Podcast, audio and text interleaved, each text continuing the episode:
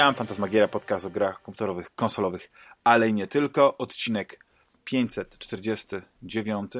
Ja nazywam się Damian Polaka Dachman i ze mną są Rafał Ściński, aka Sik. Witaj Rafale. Cześć Damian, dzień dobry, dobry wieczór słuchaczki i słuchacze i cześć Jules. I Juliusz Konczarski, aka Jules. Cześć, cześć, e, cześć panowie, cześć i czołem.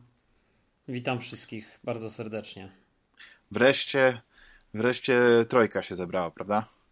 Już tak smutno było, że tak e, w dwóch tylko musieliśmy nagrywać. Zawsze ta, ta dynamika jest lepsza, prawda? Ja mogę się tutaj rozluźnić e, i słuchać waszych e, złotych myśli gorących.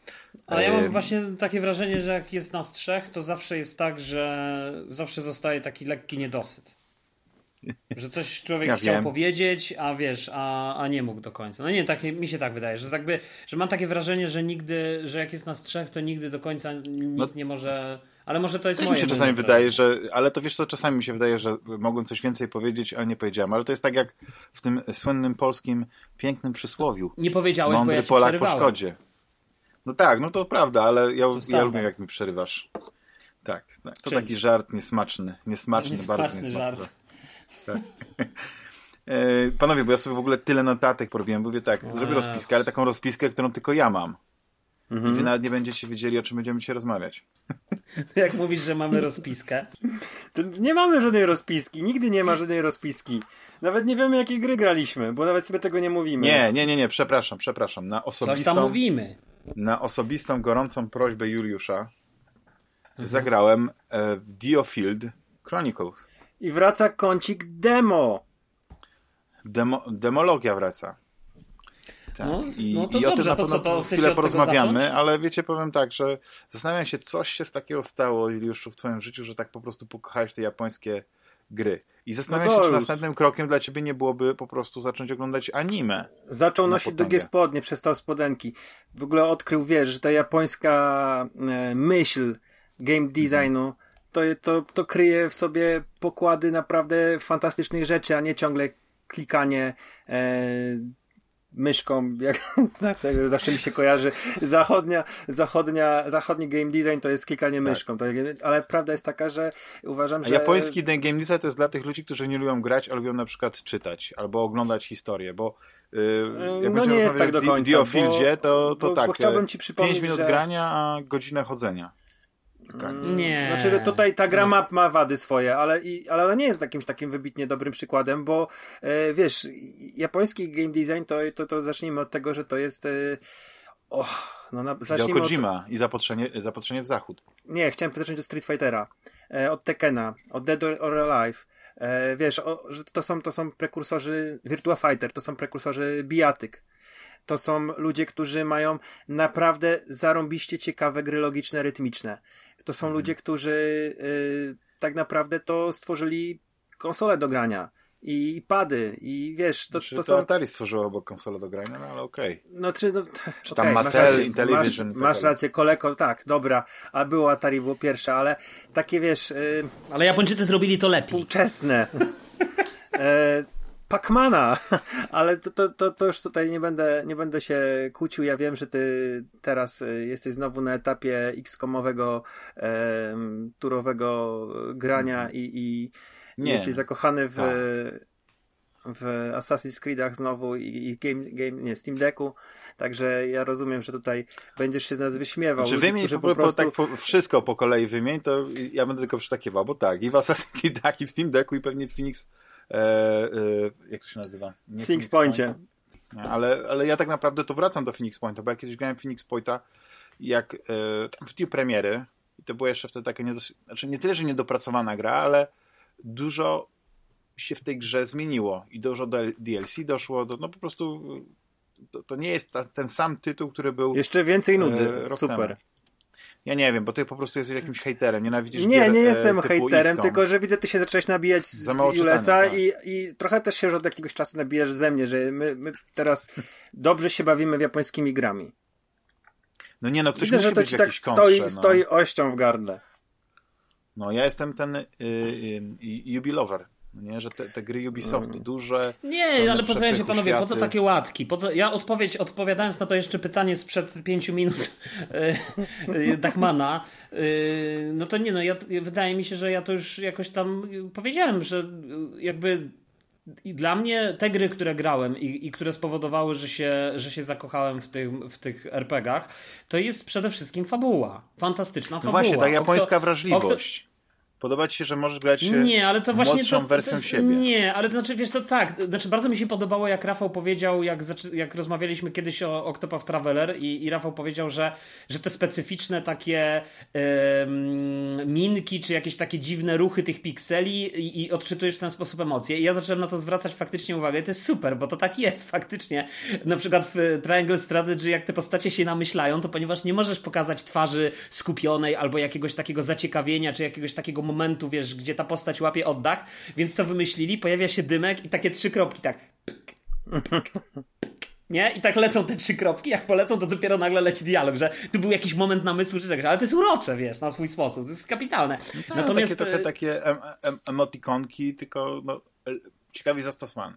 No dobrze, ale, ale, ale wracając do samej fabuły i, i do tego, co mówię, to przede wszystkim fantastyczne fabuły, wiesz, yy, Octopath Traveler dla mnie to było, to jest odkrycie, bo to jest znakomita gra, wiesz, ja, ja grałem w tą grę yy, z córką w sumie, ona też patrzyła mi bardzo dużo przez ramię yy, i wiesz, i jakby poza mechaniką, która jest świetna, ta, nie wiem, dla mnie ta, ta turowa mechanika jest ożywcza tak naprawdę w, dzisiaj, nie, gdzie, gdzie tak naprawdę w sumie, no nie wiem, te mainstreamowe gry zachodnie raczej jakby nie Wydaje mi się, że raczej nie są takie, ale zaraz ktoś mnie wyprowadzi z błędu, bo mówię to z głowy, nie? No, na pewno nie Assassin's Creed i na pewno nie te jakby inne produkcje. Natomiast właśnie ja myślę, że kluczowa jest ta fabuła, wiesz, i to i, i świetne postacie, wiesz. Skończyłem Triangle Strategy, to jest dla mnie palce lizać, wyśmienita gra, no, fabularnie i w, wiesz, i to, i to jest pełna epickich momentów i takich momentów, i wiesz, i jak w Grze o Tron, różne zdrady, różne te, no, no po prostu dzieje się niesamowicie, jakby w tej grze.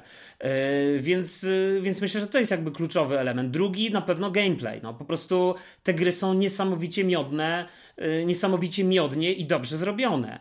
I jakby wiesz, i Jasne, wiesz, ja, ja osobiście nie lubię jakoś za długich gier, w sensie ten, ale teraz kurczę jak patrzę, no to tak, Octopath Traveler prawie 50 godzin i jeszcze nie skończyłem, bo nie zrobiłem wszystkich historii, teraz będę do niego wracał. Triangle Strategy chyba 40 nabiłem finalnie, e, ale też nie zrobiłem jeszcze wszystkiego, w sensie skończyłem grę, ale to jest jedno z możliwych zakończeń, bo ta fabuła ma różne poboczne questy, różne rzeczy, te poboczne robiłem wszystkie, ale, ale chodzi o to, że też wybory mogą e, mieć wpływ na to, co tam się pojawi, tak? I tak samo zakończenie, jest taki moment zwrotny, w którym jakby gracz musi się opowiedzieć po jednej z trzech stron. I opowiedzenie się po każdej z tych stron prowadzi zapewne do innego rozwiązania. Nie jest to duży spoiler, bo to łatwo sobie Triangle Strategy w końcu gra się nazywa, nie? Ale, ale wydaje mi się, że wiesz, że y, jakby właśnie no przede wszystkim fabuła i gameplay to są te, to, to są te, te kapitalne y, motywy. Y, nie wiem, jak to jest z Diofield Chronicles, bo mi się strasznie spodobało w tym. Ja kupiłem oczywiście pełną wersję, więc, ale nie grałem jeszcze, od razu mówię, bo już sobie Nawet nie, nie sprawdziłeś? Sprawdziłem demo, zagrałem, jak, jak, słuchaj, jak odpaliłem demo na Nintendo, bo mi się gdzieś tam pojawiło na Switchu, to mówię, nie, no ja to zaraz kupię, nie? Ale potem zacząłem googlać i się okazuje, że demo wyszło wszędzie, gdzie, gdzie się da, bo wyszło na PC. Sprawdziłem na każdej z tych platform, zresztą też o tym wspominałem jakiś czas temu i finalnie kupiłem na PlayStation 5, bo stwierdziłem, że wprawdzie na Nintendo, na Switchu nie wygląda źle, ale, ale wiesz, ale jednak pomyślałem, to już sobie to zrobię, tak, tak na bogato sobie przejdę, wiesz, mm -hmm. tą grę, chociaż ona, znowu, wiesz, one, te, te gry, tak samo druga gra jeszcze, którą, nie wiem, czy w końcu zagraliście ten e, Valkyria Elysium chyba to się nazywa. Ciągle mi się myli z tym Valkyria Profile, bo to jest ponoć jakiś tam kontynuacja Valkyria Profile. Jeszcze było Valky Valkyria Chronicles, to też, też się może mylić, chociaż to trochę y, inny typ rozgrywki, taki bardziej ekskomowy. Znaczy, wiesz co, możliwe, może to są nawet te same gry, bo ja nie znam tej Valkyria Chronicles, co to jest? To, to może to, to jest to samo, tak? Bo to jest taka ja... alternatywna, powiedzmy, początek XX wieku, mhm. e, jakieś takie krainy, powiedzmy, no wymyślone, nie? Nazwy państw i jest, e, masz oddział żołnierzy młodych, rekrutów, który przynajmniej tak było w jedynce, tak. których sterujesz takie, takie, e, w takiej grafice cel shadingowej i, i, mhm. właśnie tak jak Damian powiedział, wydajesz rozkazy, masz tam jakąś tam ilość punktów akcji. Um, taka bardziej taktyczna Ale to też JRPG, rozumiem, tak?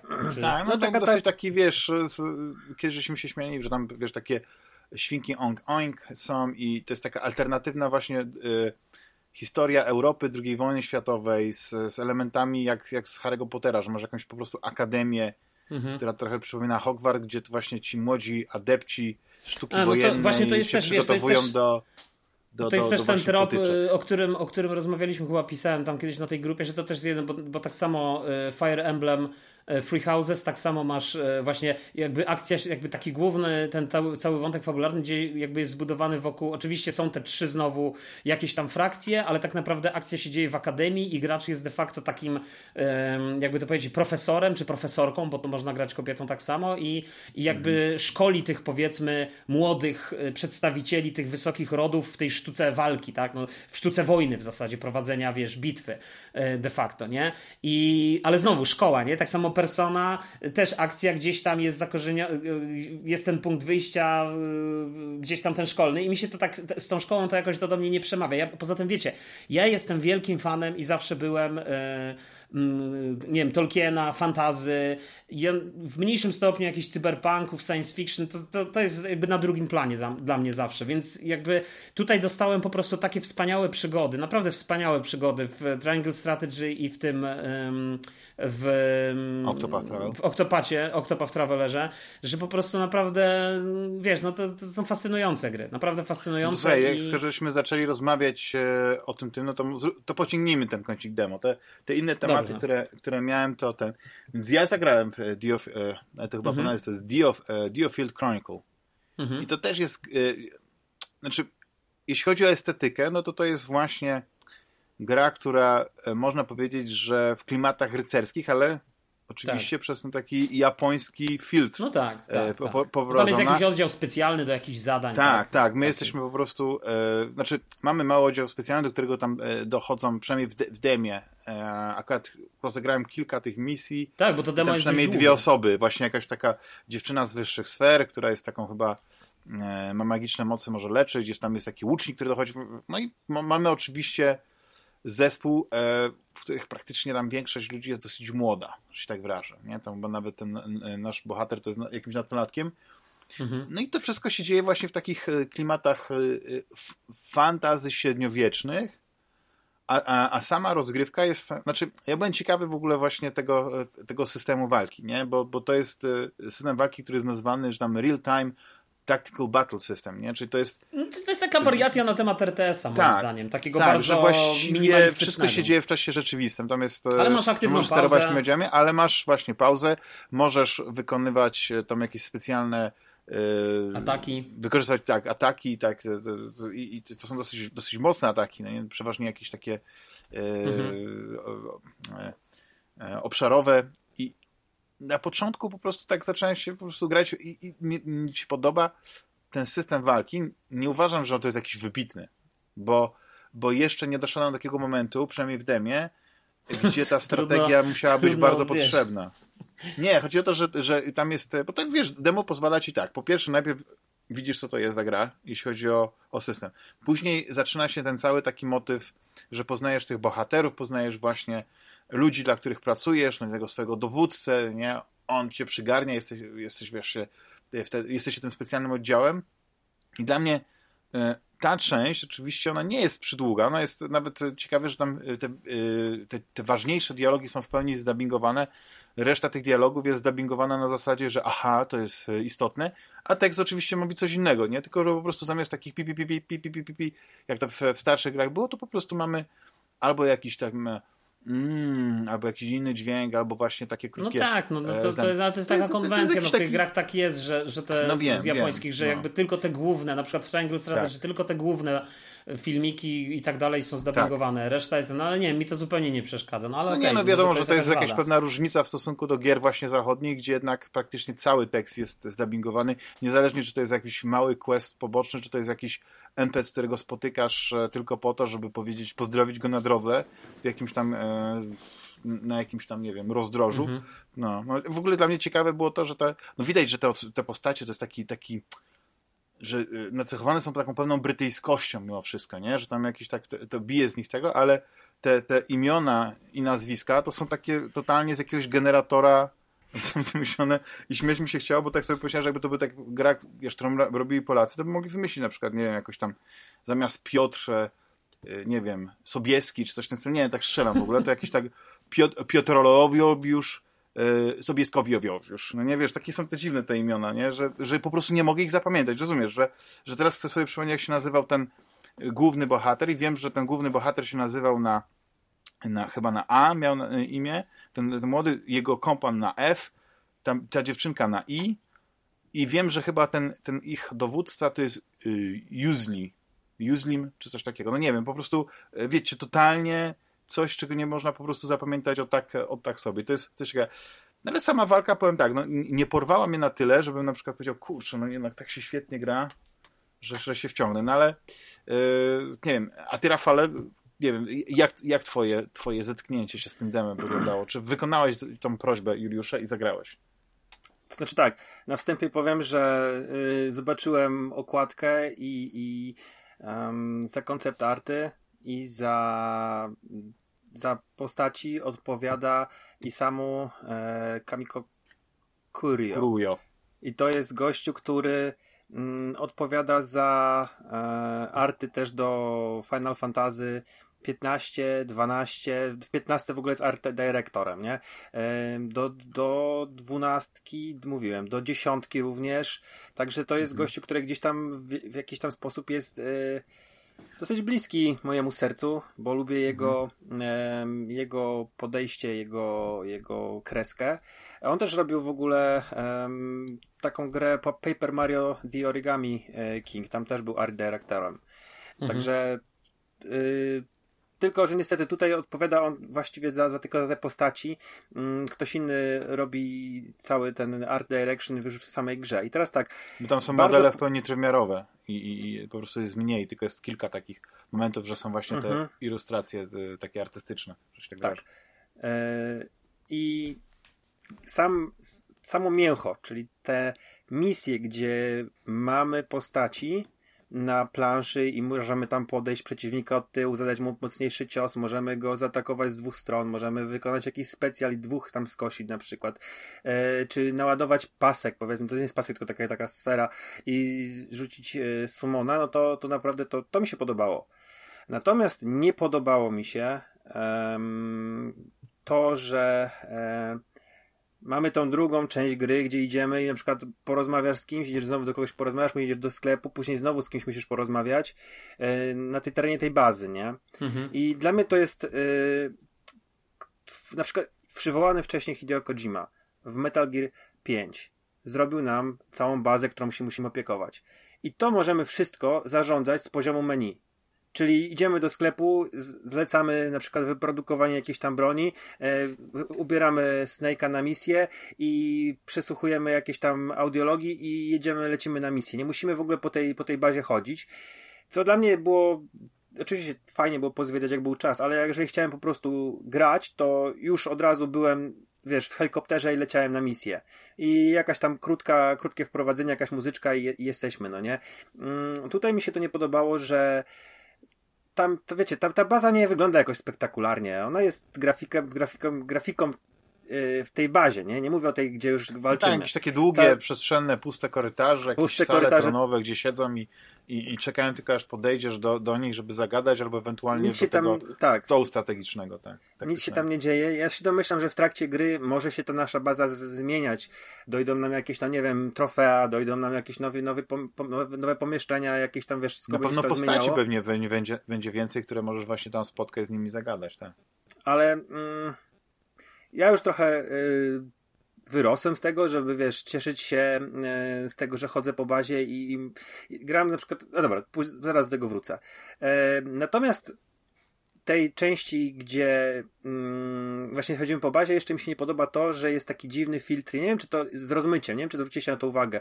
Ja w pewnym momencie myślałem, że mam monitor zepsuty, bo e, gdzieś tam na brzegach ekranu mi się, mm, nie wiem, czy takie, takiego Taki EW się jakoś nazywa, to się nazywa tak, tak, jakoś, nie pamiętam jak. Taki czy coś nie, nie, wiem, nie, dobra, nie, nie będę się, wymyślał. Nie, nie, nie. Aberracja monochromatyczna? Chyba tak, no, coś z tym, coś takiego, no. I wiecie co? To mi się tak średnio podoba, bo to tak naprawdę maskuje trochę em, niedorobki graficzne. To, czyli to, A grasz to na jest PlayStation to... 5? Czy, tak, czy, gram czy... na PlayStation 5. Nie wziąłem na, na Switcha, wziąłem sobie na PlayStation 5.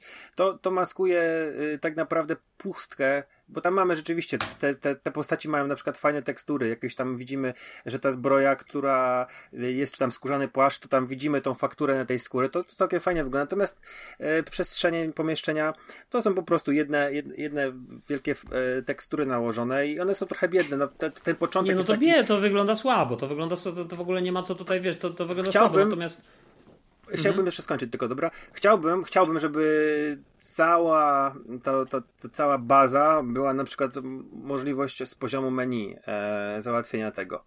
No ale no niestety nie, nie ma tego, więc e, to jest jakiś tam mój minus. Aczkolwiek podejrzewam, że gdybym miał więcej czasu, tak naprawdę gdybym mógł sobie wejść w tę grę e, na spokojnie i, i się nią pobawić, to podejrzewam, że nie miałbym absolutnie z tym problemu. Natomiast co do samej, mam jedną uwagę, która mi się nie podobała, i tak, tak, i to dlatego mówię, że mi się nie podobała. I to jest takie siermiężno-jarmarczne to, co zrobili. Czyli mamy podczas cutscenek na engine w czasie misji takie okręgi niebieskie, jak były to w tym, w Warcraft 3.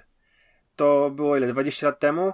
Także postacie miały takie okręgi podczas kastynek, nie mówię po podczas gry, ale jest, wiesz, pokonujemy wszystkich wrogów i mamy jakąś tam rozmowę, nasze postacie coś tam spotykają się i zaczynają rozmawiać to tak mi zniszczy. Mam nadzieję, że to będzie można wyłączyć, w, bo nie znalazłem tej opcji teraz, ale też tak jakoś dosyć szybko to robiłem. Mam nadzieję, że to będzie można wyłączyć w, w pełnej wersji, bo to tak psuje, mm, no już nawet nie mhm. jakąś imersję, ale takie wrażenia A Dużo tych misji rozegrałeś? Tak wkręciłeś się w ten system? Tak powiem ci, że e, z, z godzinę 40 grałem, coś takiego. No czyli to, to, no tak, no to, to nie, takie... No, może przejść jakieś misje, jak doszedłeś do hubu, to na pewno tą pierwszą misję musiałeś przejść, nie? Nie, no nie, tak, chodzi o to, ja bo tam taka jedna dłuższa misja, ale to też właśnie też byłem ciekawszy, czy to będzie coś, e, czy, znaczy, byłem ciekawy, czy, e, jak to będzie wyglądało i trochę byłem rozczarowany, bo zapowiedzieli jakiś taki, bo to chyba jest pierwsza taka konkretna misja, nie, nie, nie prolog, nie wprowadzenie, tylko taka konkretna misja, że musimy zajść od tyłu oddziały wroga i tak to jest tłumaczone, że naszym małym oddziałem, no nie, atakujemy na tyłach dowódcę, morale spada i w jakimś tam stopniu, no nie, e, przyczyniamy się do zwycięstwa głównej armii w jakiejś tam bitwie. Ale to tak jakoś dziwnie wyglądało, przynajmniej e, e, dla mnie, że tak naprawdę te fale były jakoś tak tak zrobione, że najpierw pokonaliśmy jedną falę, później drugą, ona się pojawiała i to były takie niskie levele. Znaczy, ja rozumiem, że na początku nie, nie dają ci jakiegoś takiego wielkiego wyzwania, żeby cię nie zniechęcić, nie? I też musisz się zaznajomić z mechaniką, czy jakieś przejmowanie wieży, ale dla mnie to było takie dosyć proste i e, ja właśnie zastanawiam się, jak długie jest to demo, bo, bo, ja, bo ja nie wiem, mam, tylko że prawdopodobnie to jest kwestia tego, że ja też miałem odłożonego na chwilę Steam Decka, nie grałem cały czas i, i, i może przekłamywać, bo mi pokazuje, że tam mam dwie godziny, no nie? E, rozegrane, ale to jest e, prawdopodobnie też wliczony czas e, jakiejś tam pauzy, czy, czy kiedy odszedłem od, od konsoli, więc nie sądzę, żeby ten, ale jestem ciekawy właśnie, czy to się rozwinie, jak rozwinie się ta walka, bo jak w każdym RPG, wiecie, no jest rozbudowany system umiejętności, tam się no wydaje jest, punkty, które zdobywasz, tego, postacie tego... levelują. Jest jakiś system taki, że masz czterech, czterech naszych członków jest na w, w akcji bierze udział, ale mamy jakiś taki system kompana, czy jakiegoś takiego pomocnika, że wybieramy sobie z tych dodatkowych postaci, które e, mamy, no bo później jestem taki, taki że mamy ich zbyt dużo, nie? Mamy tam chyba w pewnym momencie miałem pięć postaci, no nie wiem, więc tą jedną masz tak jakby przy boku, więc ona nie jest same, w samej walce, ale możemy korzystać z jej umiejętności. I to też jest jakiś ciekawy system, nie? Że, bo ja mam czasami taki dylemat, nie? Kogo zabrać na, na tą bitwę? No nie zabrałbym tą dziewczynę, no bo się przyda, no nie, może leczyć i tak dalej, no ale yy, znowu brakuje mi tutaj kogoś, kto mógłby na przykład, nie wiem, e, e, mieć więcej obrażeń zadawać i tak dalej. Tylko, że no, jeszcze nie miałem takich naprawdę ciężkich dylematów strategicznych. Dlatego, e, choć nie wiem, czy się skuszę na przykład na pełną wersję, to, to na pewno to, to demo chciałbym skończyć, żeby taki, taki sobie wyrobić takie, taką znaczy, opinię wstępną. Na pewno, na pewno te dwie gry, czyli, czyli zarówno ten Diofield i i ten Valkyria Elysium e, to są raczej e, powiedzmy takie średniaki, tak? Żeby nie powiedzieć bardziej, że przeciętniaki, nie? Jeśli mhm. chodzi. I tak też, jak patrzyłem, tak też zostały ocenione. Ale mi się akurat, jeśli chodzi o Diofield, mi się akurat gameplay niezwykle spodobał i jakby na resztę przymykam oko zupełnie. Jakby mi się podoba, niesamowicie dla mnie jest satysfakcjonujący i, i przyjemny gameplay w tym demie, już jak się idzie na tą misję. I ja po prostu nie wiem, może to jest kwestia tego, że potrzebowałem takiej gry. Tak samo wiesz, jak, e, jak ten Valkyria Elysium. Nie wiem, czy to jest w ogóle produkcja totalnie budżetowa, można powiedzieć. E, Ale ona nie jest... ma dema na PC, tak? Ona, ty Do Valkyria Elysium na... na PlayStation 5 masz demo, bo to jest ekskluzyw na PlayStation na razie. Być może e, na PC ta będzie chyba za miesiąc jakoś ma wyjść, wydaje mi się. Natomiast, a być, wiesz, podejrzewam, że Diofield jako... 11 jako... listopada, tak. Natomiast Diofield jako gra, wiesz, e, taka. Mm, nie zaraz, bo ja powiedziałem Valkyria. Nie, Valkyria to chyba jest tylko ekskluzyw. A jeśli chodzi o, o Diofield, to chyba to, to wyjdzie też na PC-ta, e, ale demo też już masz, jakby na, na wszystko w sumie. Mi się tak wydaje, że Diofield to chyba wyszło już w ogóle na wszystko, nie? Tak, na wszystko już wyszło, wydaje mi się. Też mi się tak a, wydaje. A Elysium wychodzi, Valkyria Elysium wychodzi na, na, y, na PC-ta 11 listopada, nie? No właśnie, dobra, no to okej. Okay, tak, na tak, PlayStation 5, to... na PlayStation 4 prawdopodobnie. Tak. E, w Japonii pewnie już wyszła, a, a w Stanach dopiero wychodzi. No ale ja kupiłem tą grę. To jest, Aha, I ja gram już aha. w pełną wersję. Bo tu jest A. jakby podobny case, totalnie budżetowa gra. W ogóle jakbyś Rafał w tej grze wszedł do tego huba, w którym to tam już w ogóle nie ma co robić w tym hubie, stary. On jest po prostu pusty. Dosłownie siedzą i wiesz, i podchodzisz dwa zdania z postacią. Albo zaczynasz quest i ten quest cię zaczyna, bo to jest już taka gra akcji jakby, nie? Yy, mhm. Zaczynasz quest i ten quest nie ma dialogów, tylko na, znaczy są dialogi, ale nie są czytane i na dole, hmm, wydaje mi się, że to ważna misja. Tak, to ważna misja, sprawdźmy to wszystko znika, nie? I się zaczyna misja i po prostu latasz, wiesz, totalnie. Natomiast to, co mi się strasznie w tej grze spodobało yy, i jakby przemówiło do mojego beznadziejnego gustu growego, yy, to ten gameplay. Wiesz, ten, ja po prostu, to jest taki slasher, ale kurczę, tak miodnie zrobiony, tak się przyjemnie w to młóci, że yy, znowu, być może to jest kwestia tego, że ja potrzebowałem teraz takiej gry. Ja się już czaiłem od jakiegoś czasu na bajonetę, dwójkę i jedynkę, żeby wrócić do tych gier na Switchu i przed trójką jeszcze je skończyć, ale już nie zdążę, bo to już zaraz wychodzi ta trójka, więc pewnie, nie wiem czy kupię trójkę w sumie, ale, ale jeśli, jeśli kupię, no to, no to już nie zagram pewnie w jedynkę i dwójkę. Yy, a przynajmniej nie teraz. I wiesz, i, i potrzebowałem takiego slashera, nie?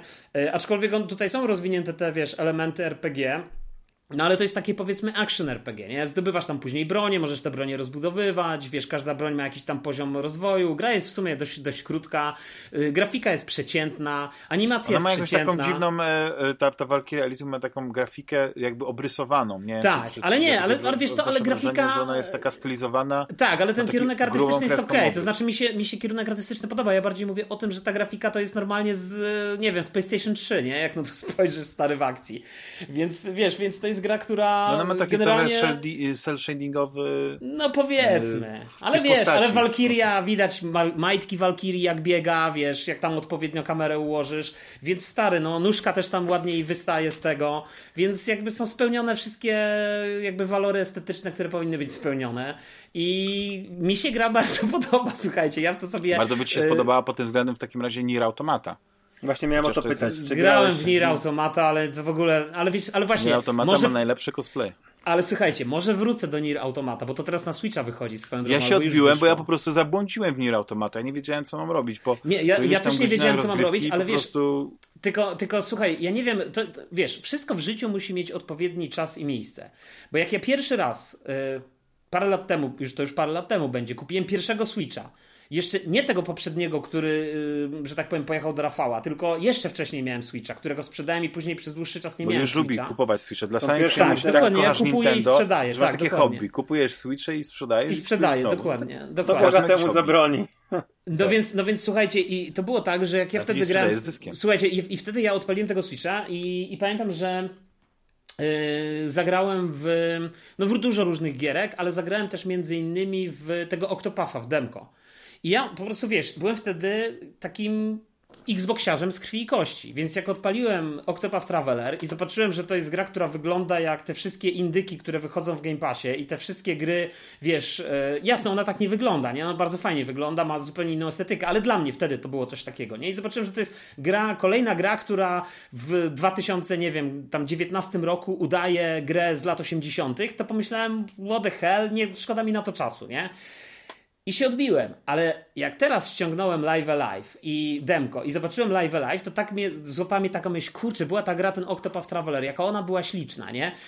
Ciekawe mhm. skąd, nie? Skoro wtedy się totalnie odrzuciłem. I wróciłem do tego Octopatha i nagle po prostu zafascynowany, więc być może y, teraz jakbym zagrał w tą Nier Automatę, bo ja w Nier Automatę grałem, zdaje się, jak ona w Game Passie była, albo cały czas jest, nie wiem. W każdym razie była w Game Passie i odpaliłem to na Xboxie, i po prostu też jakoś nie zrozumiałem w ogóle, co, wiesz, ja w ogóle nie wiedziałem, co to jest, bo te, bo te JRPG one są takie różne, nie? Tam jest też te różne konwencje są wymieszane. Mm, bardzo interesująca pod względem fabularnym gra, dlatego że to jest jeden z tych tytułów, które e, kończysz kilkukrotnie. Oczywiście te, te kolejne gry nie są takie, że od początku do końca musisz tę grę przechodzić, ale chodzi o to, że e, to są takie pewne cykle, pewne pętle, które jakby odkrywają ci to, co tak naprawdę za tym wszystkim stoi. Ja oczywiście to znam wszystko z opowieści i tak dalej, bo ja tego nie przeżyłem, ale mnie to... Ale czy to nie jest e, jakiś science fiction tak swoją drogą?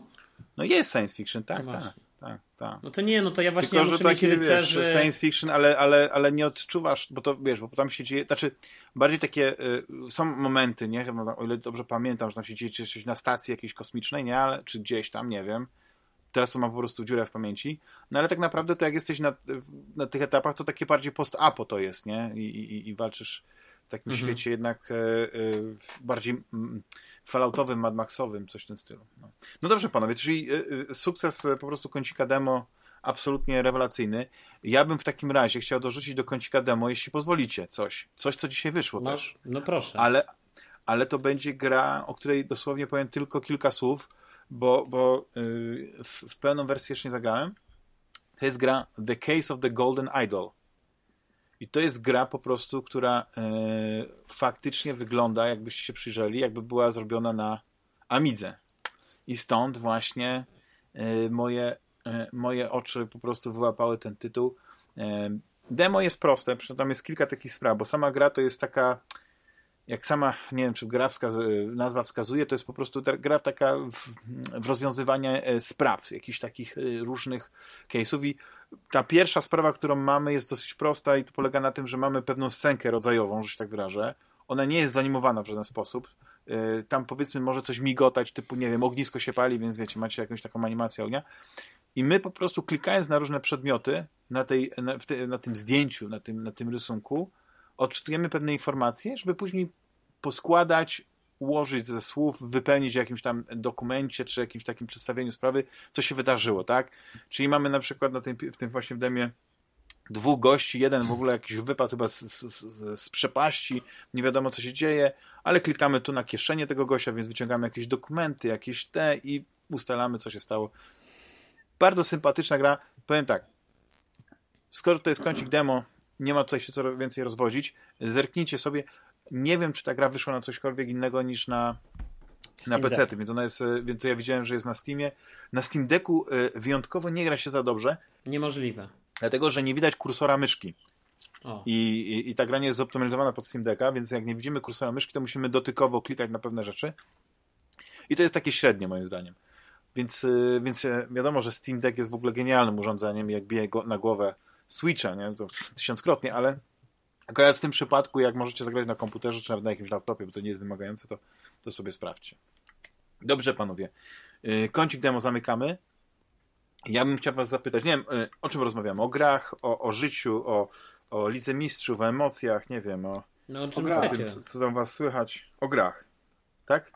Nie, a co powiedziałeś już? Ja mam, słuchajcie, taki temat. Taki mi chodzi po głowie, chyba, no. chyba o tym, żeśmy rozmawiali jakiś czas temu, ale ciekawi mnie wasze zdanie, bo ja się ciągle nad tym zastanawiam, bo wiecie, teraz jest cały czas ta afera yy, z przejęciem tego, tego, micro, tego Activision Blizzard przez Microsoft, nie? No i wszyscy się tam rozpisują tymi doniesieniami, że, nie wiem, Sony wytyka Microsoftowi hipokryzję, Microsoft wytyka no, ale Sony to było dwa miesiące temu. No. Tak, tak. I, że, I to wszystko chodzi, ale jakby cały czas, wiesz, mnie tylko zastanawia jedna rzecz. No dobrze, jakby zakładam, że w ogóle i tak scenariusz, że ta transakcja zostanie zablokowana jest praktycznie yy, mało prawdopodobny. Wydaje mi się, że, że to jest jakby raczej nieprawdopodobne, żeby coś takiego się wydarzyło. Ale Gdyby jednak się okazało, że na przykład Europa, Unia Europejska powie nie dla tej transakcji, to ciekawie, nie, wiesz, że jakby dlaczego nikt nie napisze tak naprawdę, jakie by były ewentualnie konsekwencje tego? Czy to by oznaczało, że co, że już nigdy Call of Duty nie będzie w Europie?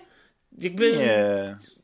Nie, mi się no wydaje, że po prostu chyba, nie wiem, czy ty sam nie, nie przedstawiałeś tej teorii, że być może e, Na pewno sam będąc właścicielem, y, byłby właścicielem, ale nie bezpośrednim. Że to byłaby jakaś spółka, córka, która niby gdzieś tam jest e, podległa. Znaczy wiesz, na, na pewno ale, musieliby. Nie, nie, musieliby, nie, musieliby, musieliby sprzedać zapewne europejskie aktywa, czyli yy, te spółki... Na przykład nie, mogło, wiesz co mogło być? Mogło być tak, że na przykład e, Call of Duty może wyjść w Europie, ale nie może być w Game Passie. Musi być sprzedawany na płycie, nie? Czy tam w, w pełnej wersji cyfrowo. A na przykład w Stanach, nie wiem, we wszystkich innych krajach e, tam Ameryki Południowej, w Afryce, nie, nie w Azji, a, mi się a ja dzisiaj rozmawiałem z Łychą i żeśmy mieli takie spostrzeżenie, że to by było tak jak są niektóre gry, że tak jak są takie niektóre gry, wiesz, na przykład w Japonii, które są tylko w Japonii dystrybuowane i nie wychodzą poza Japonię. I tak samo tu by dlaczego? Było. Jakie to są takie? Okidoki Moku? Nie, nie ale no jakieś... Nie, no jest dużo gier, które ja pamiętam, które, które jakby nie wychodzą. No nie wiem jakie teraz. No kiedyś pamiętam Demon Souls na początku chociażby, o, tak? O Jakuzie pierwszy, rozmawialiśmy, pamiętacie? Tak, no ale pierwszy Demon Souls nawet. Przecież ja pamiętam, że ja pierwszego Demon Souls kupiłem w sklepie Ultima w Warszawie i to była wersja specjalnie sprowadzana. Ultima po prostu część tych pudełek sprowadziła, a jeszcze wcześniej to ludzie w ogóle sprowadzali z, tam z Azji, bo nie wiem, był taki sklep Play Asia i tak dalej i ludzie to po prostu sprowadzali, bo te gry nie wychodziły. A że tak, region tak. płyt na, y, był taki sam jak w Polsce, więc generalnie to wszystko chodziło, nie? No i była wersja angielska od razu na, na, na płycie, to to fakt. Nie no okej, okay, ale że, ja rozumiem, że było do, praktycznie do wszystkich Nie, no masz rację, bo, bo gra wyszła w Japonii w lutym 2009 roku, a tak naprawdę na zachodzie ona się pojawiła dopiero w październiku. Więc mhm. ten, a teoretycznie y, y, rok później y, na wszystkich innych rynkach, no nie? Tak naprawdę. Więc no okej, okay, no jest jakiś przypadek. Ale generalnie Demon Souls to była znaczy teraz to tak można... Nie ale wiesz, ale ja nie chcę mówić o Demon Souls, bardziej mi chodzi o to, bardziej mi chodziło o to dać Ci przykład, że, że jednak były takie sytuacje, że były gry, które jakby nie ukazywały się normalnie docelowo na innych rynkach. Ale oczywiście, no. I wiesz, wiesz i tak... cały, cały ten rynek y, japońskich RPGów, wiesz, mi się wydaje, że my nawet nie wiemy o o jednej dziesiątej y, gier, które się pojawiają tylko na przykład na tym rynku właśnie azjatyckim. W ogóle rynek chiński który jest zdominowany przez granie na przykład na, na, na, na telefonach komórkowych, ma zupełnie inne Nie, no jasne, ale wiesz, ale mi chodzi bardziej o to, wiesz, mi chodziło bardziej o przeprowadzenie takiego, takiego porównania, no co by było gdyby, tak? Czyli załóżmy, że ta Unia Europejska mówi nie. No i wiesz, Europa to jest dość duży rynek, oczywiście pewnie nie tak duży jak Stany Zjednoczone, ale z drugiej strony Xbox w Stanach Zjednoczonych i tak w sumie, znaczy w sumie tak nie, nie wygrywa z PlayStation, jeśli chodzi o sprzedaż, no ale powiedzmy radzi sobie bardzo dobrze, tak? Żeby nie powiedzieć, że może nawet i wygrywa teraz. Nie wiem, jakie są wyniki tej, znaczy, tej to ciężko zrozumieć, bo to jest, to jest e, interesująca sprawa. Czy może na, na przykład, Na jakiej wiesz... zasadzie mogliby powiedzieć nie, skoro, skoro nie takie fuzje zaakceptowali i na przykład y, te, te takie jątrzenie, czy jakieś takie biadolenie e, Sony, że o, tu będzie jakaś dominacja i w ogóle, że Call of Duty teraz e, ludzie nie będą kupowali na PlayStation, tylko będą kupowali specjalnie Xboxy po to, żeby pograć w Call of Duty. No, Call of Duty, okej, okay, to jest jeden tytuł, który jest, jest mocny, tak? Ale PlayStation, w ogóle Sony miało nie, nie czy jakby tak zobaczyć, jakie praktyki stosowało Sony, jakby ktoś się chciał zastanowić, zrobić tutaj, odrobić lekcję i zobaczyć, jakie one monopolistyczne triki stosowali, to prawdopodobnie e, Sony by tutaj zrobiło, wiesz, e, głowę w piasek. No tak, ale wiesz, ale to, no, nie no, ja to rozumiem, tylko że wiesz, no, rozumiem, że Microsoft jest święty. Microsoft tak samo stosował i znana jest historia Microsoftu już nawet nie tylko w dziedzinie gier, tylko też w innych e, obszarach no, no tak, ale tak szczerze mówiąc, tak już, zależy ci na tym, same. żeby Microsoft kupił Absolutnie nie ma, nie ma to nie, absolutnie mi to nie ma znaczenia. To jest bardziej pytanie. Ja nie chcę nawet wchodzić w dyskusję, czy Sony jest lepsze, czy Xbox jest lepszy. No tak nie, no to nie interesuje mnie to. Bardziej interesuje, wiesz, bardziej mnie interesuje to, że chciałbym na przykład, to może taki hint podpowiadam tym wszystkim tak, serwisom aha. internetowym, które nas słuchają, że chciałbym na przykład, żeby ktoś pokusił się o taki artykuł, żeby właśnie taki, co by było gdyby, tak? Gdyby, bo wiesz, jeżeli się zgodzą, no to wszyscy wiemy, okej, okay, wiadomo, tak? Możemy sobie przewidzieć, jaki ten scenariusz będzie. Czyli zapewnie za jakiś czas gry y, Call of Duty Ale wypadną zobacz. z PlayStation, tak? Może nawet szybciej niż później mhm. i tak dalej. Ale co by było, gdyby, czy na przykład, ta, wiesz, sposób tej dystrybucji y, tych gier y, był, był też uwarunkowany poprzez tą decyzję tej Komisji Europejskiej, że oni by powiedzieli, oni by wskazali ewentualnie możliwe pola jakiejś tam eksploatacji. Ja ci powiem jedną rzecz, Juliuszu. Ja ci powiem jedną rzecz. Tak naprawdę pytanie jest, czy Microsoft tak naprawdę, tak naprawdę, naprawdę chce kupić Activision i czy Activision tak naprawdę, tak naprawdę chce być kupiony. bo cała ta akcja z tym kupowaniem Activision to było takie, pamiętacie, no był ten moment, w którym e, Activision Ale to co, myślisz, że Microsoft miało mocno za uszami jest... i była kwestia tego, że mhm. Bobby Kotick e, jest na wylocie, bo, bo e, wszystkie te najgorsze rzeczy, które się działy, to się działy pod jego rządami. Tylko, że to był człowiek, który tak naprawdę dźwignął Activision z niebytu i przez mhm. ileś tam lat, naście, dziś, nie wiem, no 20 czy nie wiem, bo to musiałem jakieś tutaj skalkulować dokładnie, podniósł tą markę, stworzył kilka tytułów, które po prostu okazały się tymi, znaczy nie on stworzył, tylko wiecie o ciebie, no, no w końcu był znaczy, tym... nie, no ja się zgadzam, no poza, poza kryzysami... Który, I tak naprawdę nie, no, poza, teraz jest, nie tak. mówi się o tych, o tych, o tych sytuacjach, no tak, jak to się mówi, wewnątrz e, biurowych, nie mówi się o tym, co się działo, to w ogóle przycichło, więc tak naprawdę dla nas, dla graczy, to nie ma znaczenia, bo mi się wydaje, że tak czy siak i tak będziemy musieli za Call of Duty płacić, bo nie wydaje mi się, żeby Call of Duty przynajmniej przez e, pierwszych kilka lat trafiło, nawet po tym trafiło do Game Passa. No i y, może być tak, że na przykład z poprzednich lat gry będą trafiać do Game Passa, ale zawsze w dniu premiery y, będzie trzeba wydać te 500 e, euro w wersji standardowej, czy tam, nie, 500 złotych, przepraszam, y, za, za, za Call of Duty, czy ileś no, po inflacji. 330 chyba teraz jest. Tak, tak. I ja, ja, w ogóle uważam, że dlatego nikt o tym nie mówi, dlatego, że to był taki temat tylko i wyłącznie dlatego nośny, że po pierwsze była ta, ta afera z, z Bobby Kotikiem w ogóle z tym, z, z Activision Blizzard, nie? Że to jakaś taka poduszka. A po drugie, chodziło o tą niewiarygodnie wysoką sumę. Ale wiesz, że Microsoft kupienie Activision to jest największa transakcja yy, praktycznie na rynku, bo mówimy o 67 miliardach dolarów. I to jest. No i to jest jedyny, i to, i jest, to jedyny news. Biliard. Ale nie. Tak naprawdę. Biliarda. Miliarda. Biliarda. biliona. W biliardach amerykańskich, e, tak. Transakcja Della i e, AMC e, była podobnego rzędu. Tylko, że w tym momencie, moim zdaniem, wcale nie masz racji, że moim zdaniem e, jeszcze chyba nie mamy przesłuchania w, w, Komisji Europejskiej. Na razie są te i, inni regulatorzy cały, cały czas i moim zdaniem jest jakieś ryzyko wstrzymania tej. E, tej no ale, tej, tej, ale obawiasz się na przykład, Rafale, powiem tak szczerze, czy, czy obawiasz się, że ale czemu, nie wiem, ten obawiać? języczek uwagi przejdzie w lewą czy w prawą stronę? Czy w ogóle zostanie tak? Nie, ale to, to wiesz, nie ma ale absolutnie żadnego znaczenia, dlatego na przykład nie musimy się o tym nie no, jakieś znaczenie tak martwić, ma, no. bo mi się wydaje, że nasz, znaczy, ja, ja chcę wiedzieć, czy mam kupić Xboxa, czy dalej grać na PlayStation. Nie zmieni się. I tak, znaczy... będąc, będąc e, fanem PlayStation, i tak będziesz musiał grę kupować. Ja uważam, że będąc fanem Xboxa, i tak będziesz musiał tę grę kupować. Oj nie, ja się nie zgadzam. Poprzednie Tam części mogą jeszcze, w Game Passie. Ale moim zdaniem strasznie uproszczasz to tak naprawdę, bo e, chodzą, chodzi, w, w, tym wszystkim chodzi nie, nie tylko już tak naprawdę o znaczy, nie chodzi tylko o to, że że, mm, że trafią do Game Passa. Trafią do Game Passa czy nie. Chodzi mhm. też no, ale o to, gdzie byli ci wszyscy ludzie? Ale gdzie poczekaj, poczekaj, poczekaj, Damian, ale daj, daj powiedzieć, firmy, daj powiedzieć Rafałowi. Ale no, Disney wiem, wiem, dostarcza produkt, który na przykład nie zbierał nigdy żadnych danych, o jeżeli chodzi o swoich użytkowników. Natomiast e, Activision ma olbrzymie ilość danych na temat użytkowników Call of Duty i tam między innymi też się będą zajmowali tym, że co, co, co z tymi danymi. To nie jest takie do końca moim zdaniem e, zero-jedynkowe, jak mówisz, że będzie gra w no Game Passie okay. albo nie będzie Ale jak myślisz, Moim kogo jest więcej? Użytkowników to ciekawy Windowsa, trop, to ciekawy użytkowników trop, Call of Duty? Nie, nie, poczekaj, ale to bardzo ciekawy trop, rzeczywiście, bo, bo tam i są, że oni będą mieli te bazy danych, będą mieli to wszystko, też będą mogli specjalne ofertę je wysyłać tym ludziom.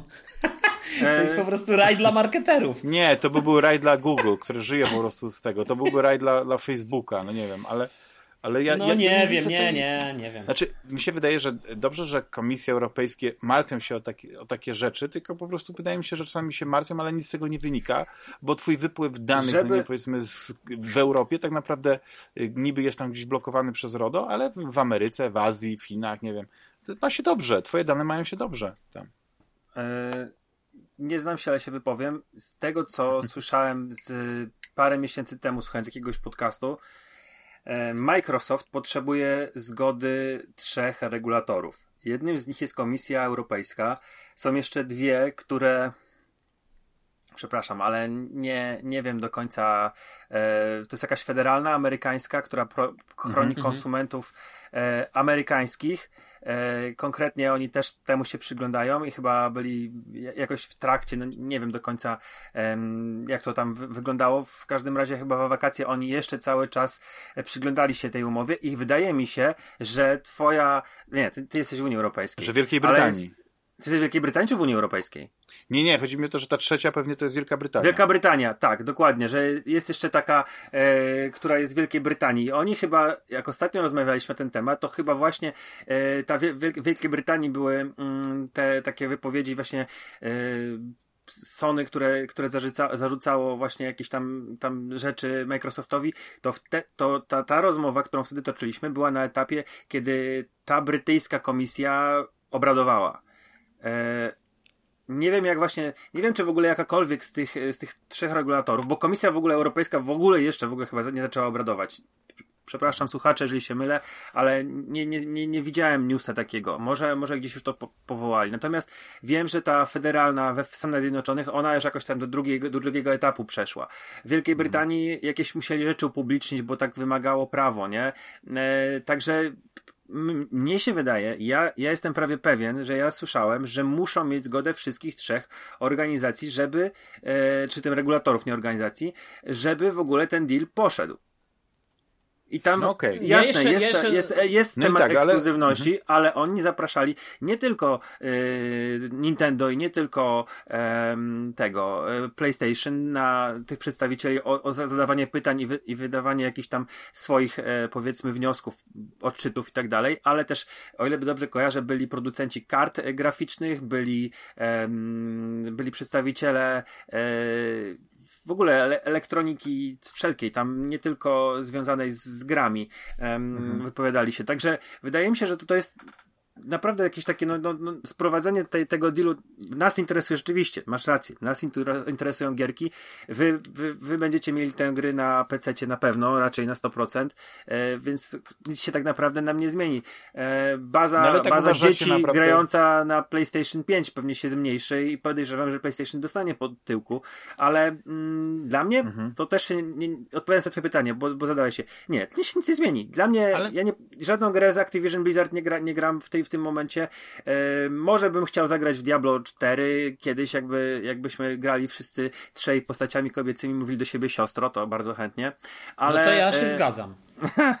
Ale czy będą trzy różne postaci kobiece? Nie wiemy tego. Amazonka, Miszka, nie, mogą być, mogą być, bo możesz sobie płeć wybrać postaci.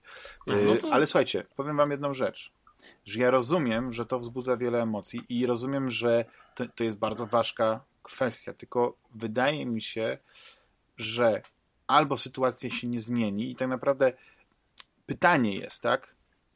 Jakie gry, oprócz właśnie tutaj wspomnianego Diablo, które, które tutaj chcemy zagrać y, w czwórkę y, postaciami kobiecymi, jakie gry, jakie gry Activision Blizzard wyda w przyszłości, ale wiesz, że, ale, że, ale, że, ale nie kontekście... wiem, coś by się zmieniło w stosunku do nich, no nie wiem, teraz wyszedł Overwatch 2, tak?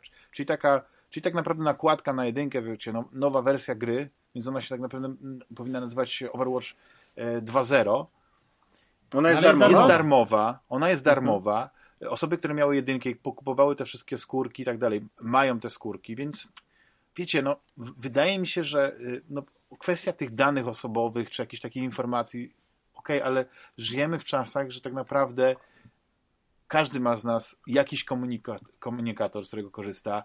Y, większość z nas ma konto na Twitterze, na Facebooku, mamy telefony komórkowe, no wiecie, no wszystko. No, no ale wiesz, ale wydaje mi się, Damian, że, że, że, że mimo dane. wszystko zbyt łatwo y, jakby przechodzisz nad tymi danymi troszeczkę do porządku dziennego. Nie, nie, nie. Bo nie, mi się nie, wydaje, że... To, że to nie, nie ma znaczenia, czy, czy Activision będzie miało te dane, czy Microsoft, bo Microsoft i tak ma nasze dane, bo my korzystamy w większości z Windowsów, tak?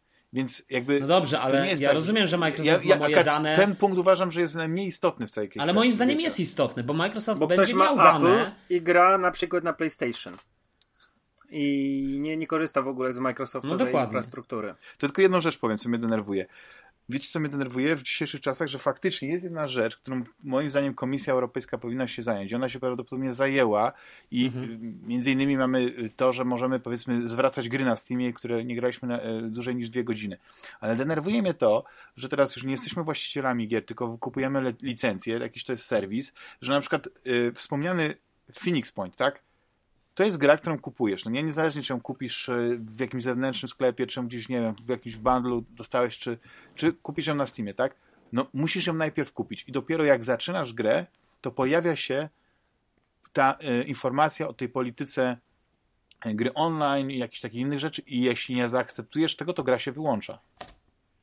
I to jest właśnie dziwne, nie? Że ale ja już zapłaciłem za tę grę. Nikt mnie nie zapytał wcześniej, nie dał mi do przeczytania jakiejś długiej e, euli, do przeczytania zanim zapłaciłem za tą grę. Ale to możesz zwrócić, tak? Jak nie grałeś. No mogę zwrócić, kupiłem ją na Steamie, ale jeśli na przykład kupię ją w wersji pudełkowej, wykorzystam kod, no spróbuj teraz zwrócić wersję pudełkową do, do sklepu. No, I wiesz, no nie da jeszcze, się znalazłem takie dane, tak sobie teraz przeglądam. Mhm. E, oczywiście nie, nie wchodzę w artykuły, no tylko no oglądam obrazki. E, i, I nie będę nabijał komuś tam wejść, ale e, to jest taki ciekawy graf, e, który pokazuje, że to jest, są dane z pierwszego kwartału 2022 roku. E, że Call of Duty ma na ten moment 100 milionów na pierwszy kwartał 2022. Powiedzmy rok wcześniej miało na pierwszy kwartał 2021 miało 150 milionów aktywnych użytkowników w miesiącu. I 40, to jest podane, 42% wszystkich użytkowników e, Call of Duty to jest PlayStation. Natomiast Xbox to jest tylko 25%. Także mm, myślę, że to jest jakieś tam wiesz, dla jednych to, to dla, dla nas to nie jest problem, tak? Bo, bo ja nie gram w Call of Duty, Jules... Yy, ja gram. Jules gra i ty ja też gram gracie, tylko no, w, w kampanii. na PC, tak? E, no nie, no ja wolę na konsoli, no. 42 też. milionów e, graczy to może być, znaczy nie wiem, czy to jest e, miesięczny użytkownik to jest zawsze ta sama, czy to jest rzeczywiście unikalne, no nie wiem, ale dla 42 milionów graczy to jest jednak jakiś tam y, dosyć ważny, y, znaczy... nie wiem, fragment jakiegoś e, rutyny codziennej, życiowej. Ale widzisz, ale jakoś na przykład nie widzę, że, I... że jest jakiś żal, że na przykład jest więcej graczy FIFA 23 na PlayStation, bo na przykład Juliusz jako ale fan ale ja na pewno widzi dużo reklam PlayStation. No. I, i, I tego, God of War'a. Ja, dobrze, nie wiem, nie, z jakieś twoje teraz chyba zaczepki. Nie no ekskluzywność e, moim zdaniem powinna być. Yy, Oj, dobra, te opowieści o ekskluzywności. No przecież to jest oczywiste, że ekskluzywność musi być, bo inaczej jaki jest, jaki jest. Co cię skłania do kupna tej czy innej platformy? No do cholery jasnej. Wiadomo, że ekskluzywność. No to jest to, co no tak, powoduje, tak, że ludzie kupują Nintendo. Ale wyobraźcie sobie, że Phil Spencer no. płacze, że na przykład nie ma Horizon Forbidden West albo nie ma e, The Last of Us, czy w ogóle Uncharted na Xboxa. Myślę, że płakał. Myślę, PlayStation że razy, dominuje. Myślę, że wiele razy tam szły KIH. Dlaczego nie zrobicie takiej gry jak, jak Uncharted, jak ale, ale posłuchaj, ale ja powiem, ja powiem tylko jedną rzecz. Jakby, jeszcze raz, podsumowując wszystko, to co mówisz, czy płakałem? Tak! Jak, wysz, jak miałem Xboxa One, jeszcze przed premierą Xboxa, y, One X tak naprawdę, jeszcze przed premierą Xboxa Series X i zobaczyłem w telewizji czy na YouTubie reklamę Ghost of Tsushima, to płakałem. Płakałem rzewnymi łzami. Dlaczego do cholery ja nie mogę w to zagrać? I, I powiedziałem sobie, że prędzej czy później w to zagram. I, i, i czy to, wiesz, miałem plan, że może kupię PlayStation 4 i, i tak dalej. Poszło trochę inaczej. Myślałem, że Ghost of Tsushima to się dowiedziałeś od nas. Nie, Ghost of Tsushima ja się dowiedziałem zanim w ogóle wróciłem do nagrywania z tobą podcastów. W każdym razie, wracając do, tej, do, do tego, więc jakby Ghost of Tsushima by jak najbardziej jest coś takiego, przynajmniej dla mnie, i, mhm. i że ludzie po prostu grają. To po pierwsze. Teraz po drugie. No to tym się powinna Komisja y, Europejska zająć, żeby zabronić ekskluzywności. Żeby Dobrze. właśnie że... ludzie nie płakali, żeby nie mieli nieprzespanych nocy. Tylko, Dobrze, ale teraz jeszcze. Pro... No skończ, przepraszam cię. Jeszcze chciałem tylko jeden, jedną rzecz powiedzieć. Jakby to, to bardzo mi się, bardzo jest dla mnie ciekawy ten wątek, o którym mówi Rafał, yy, związany z tymi danymi, bo na to rzeczywiście nikt nie patrzy. Poza tym w ogóle dojmująca jest dla mnie ta krótkowzroczność, która jest w tych mediach, bo wszyscy mówią, no zajebiście, wiesz, za 4 zł będę miał Game Passa i to jest fakt. Rzeczywiście nawet gdzieś widziałem ostatnio, jak ktoś pisze, że przez cały rok miał Game Passa i płacił za niego tam 2 zł czy ileś, nie? Korzystając z tej czy innej promocji. 4 zł, bo cały czas dołączał, tak. Tak, bo cały czas dołączał, tu anulował, jeden dzień tam nie miał subskrypcji i tak dalej, i tak dalej, tak? Jakby i są różne takie historie historię. I to jest super. Jakby wiesz, wiadomo, to jest dla graczy, to jest wartość. Tylko ja się zastanawiam, pierwsze pytanie, co będzie w dalszym ciągu za parę lat? Jak już Microsoft kupi te wszystkie firmy i będzie miał 100% rynku, to ciekaw jestem, jak wtedy będzie wyglądał i ciekaw jestem, co wtedy ludzie będą mówić, jak już będzie jedna firma, która będzie detektowała wszystkie warunki. To jest jedna rzecz. Nie Ale wiem, zobacz, jak będzie... ty pokazałeś Juliuszu wielkiego palca środkowego Xboxowo, Xboxowi. Ja? Ja na przykład więcej gram na Steam Decku teraz, więc yy, okej. Okay E, tak naprawdę nie, ja nie pokazałem nie, środkowego palca Xboxowi. Po prostu, jak mówiłem o tym wiele razy, po prostu w którymś momencie stwierdziłem, że chcę grać w jakieś nowe gry, które wyglądają jak next geny, a nie na gry, które ciągle wyglądają tak samo. No i tyle, no. Jezu, no. Każdy ma prawo no wybrać właśnie, to, co, chodzi to, o to, że podoba, właśnie no. takie rzeczy moim zdaniem weryfikują rynek, a nie to, czy Microsoft wyda ileś tam miliardów na ten, bo do tej pory no dobrze, oczywiście okay. zjem okay, własny beret, jeśli się okaże, że, dalej, że te pieniądze mnie. właśnie na, ale jeszcze, jedną, na BTSD zaowocują Super Starfieldem. Dobrze, ale jeszcze tak, znaczy okej, okay, dobra, masz rację, ale no to tym bardziej w takim razie jest to, co mówi Rafał, 40 milionów użytkowników, nie wiem, czy tyle ich faktycznie jest, ale na pewno są jakieś Może dane. Być, Ci no. ludzie wyrazili zgody do, y, że tak powiem, wiesz, tych zgód marketingowych. Nie wiem, czy w momencie, kiedy będzie przejęcie, oni będą, dos, powinni dostać taką notyfikację, że zmienił się administrator danych i tak dalej. A może to wcale, że nie będzie, że się zmienił, bo w sumie może się nie zmienił. Nie wiem, jak to jest. Nie, nie znam się na tym, ale się wypowiem. Mogą dostać informację, że po prostu tak, tak mówisz, że teraz Że, że się zmienił e, administrator i, i, i tak. co chcą, tak? I tak dalej. Czy chcą o tych swoich, wiesz. I teraz w zależności od tego, jak ta informacja będzie, że tak powiem, skonstruowana, no to ludzie klikną tak, keep me informed, albo klikną nie, proszę zabrać moje dane i skasować moje konto, nie? Ale powiem Więc... tak, moim zdaniem to nie jest taki temat, po prostu powinniśmy się tak emocjonować. Ale moim zdaniem, nie, ale poczekaj, ale ja się nie... trzeci się, raz go powta powtarzamy ten Ale temat, ja się nie, emoc ja się nie emocjonuję, ja się, ja się bardziej emocjonuję z tym, że muszę się, mi ciągle przerywasz. Teraz y, i dlatego. No bo się powtarzasz. No, stary jestem, no i tak jest życie, więc będę czwarty raz opowiadał, jak to siedziałeś u mnie na kolanach i jadłeś I Octopath Travel i, i pamiętam ten Octopath Travel i, zdobywał po raz trzeci i Live Alive. W każdym razie, w każdym razie wiesz, yy, dla mnie to jest ciekawy wątek, mimo wszystko, bo to jest na ile tak naprawdę. No to ja proponuję tak. Po... Jeśli pojawi się jakiś konkretny no news, mogę, no. który wypłynie z Unii Europejskiej na temat tego, czy ona zaakceptuje, czy nie, to wrócimy do tego tematu. A, Ale Unia Europejska powinna się zająć Juliusz, tym. Ostatnie słowo.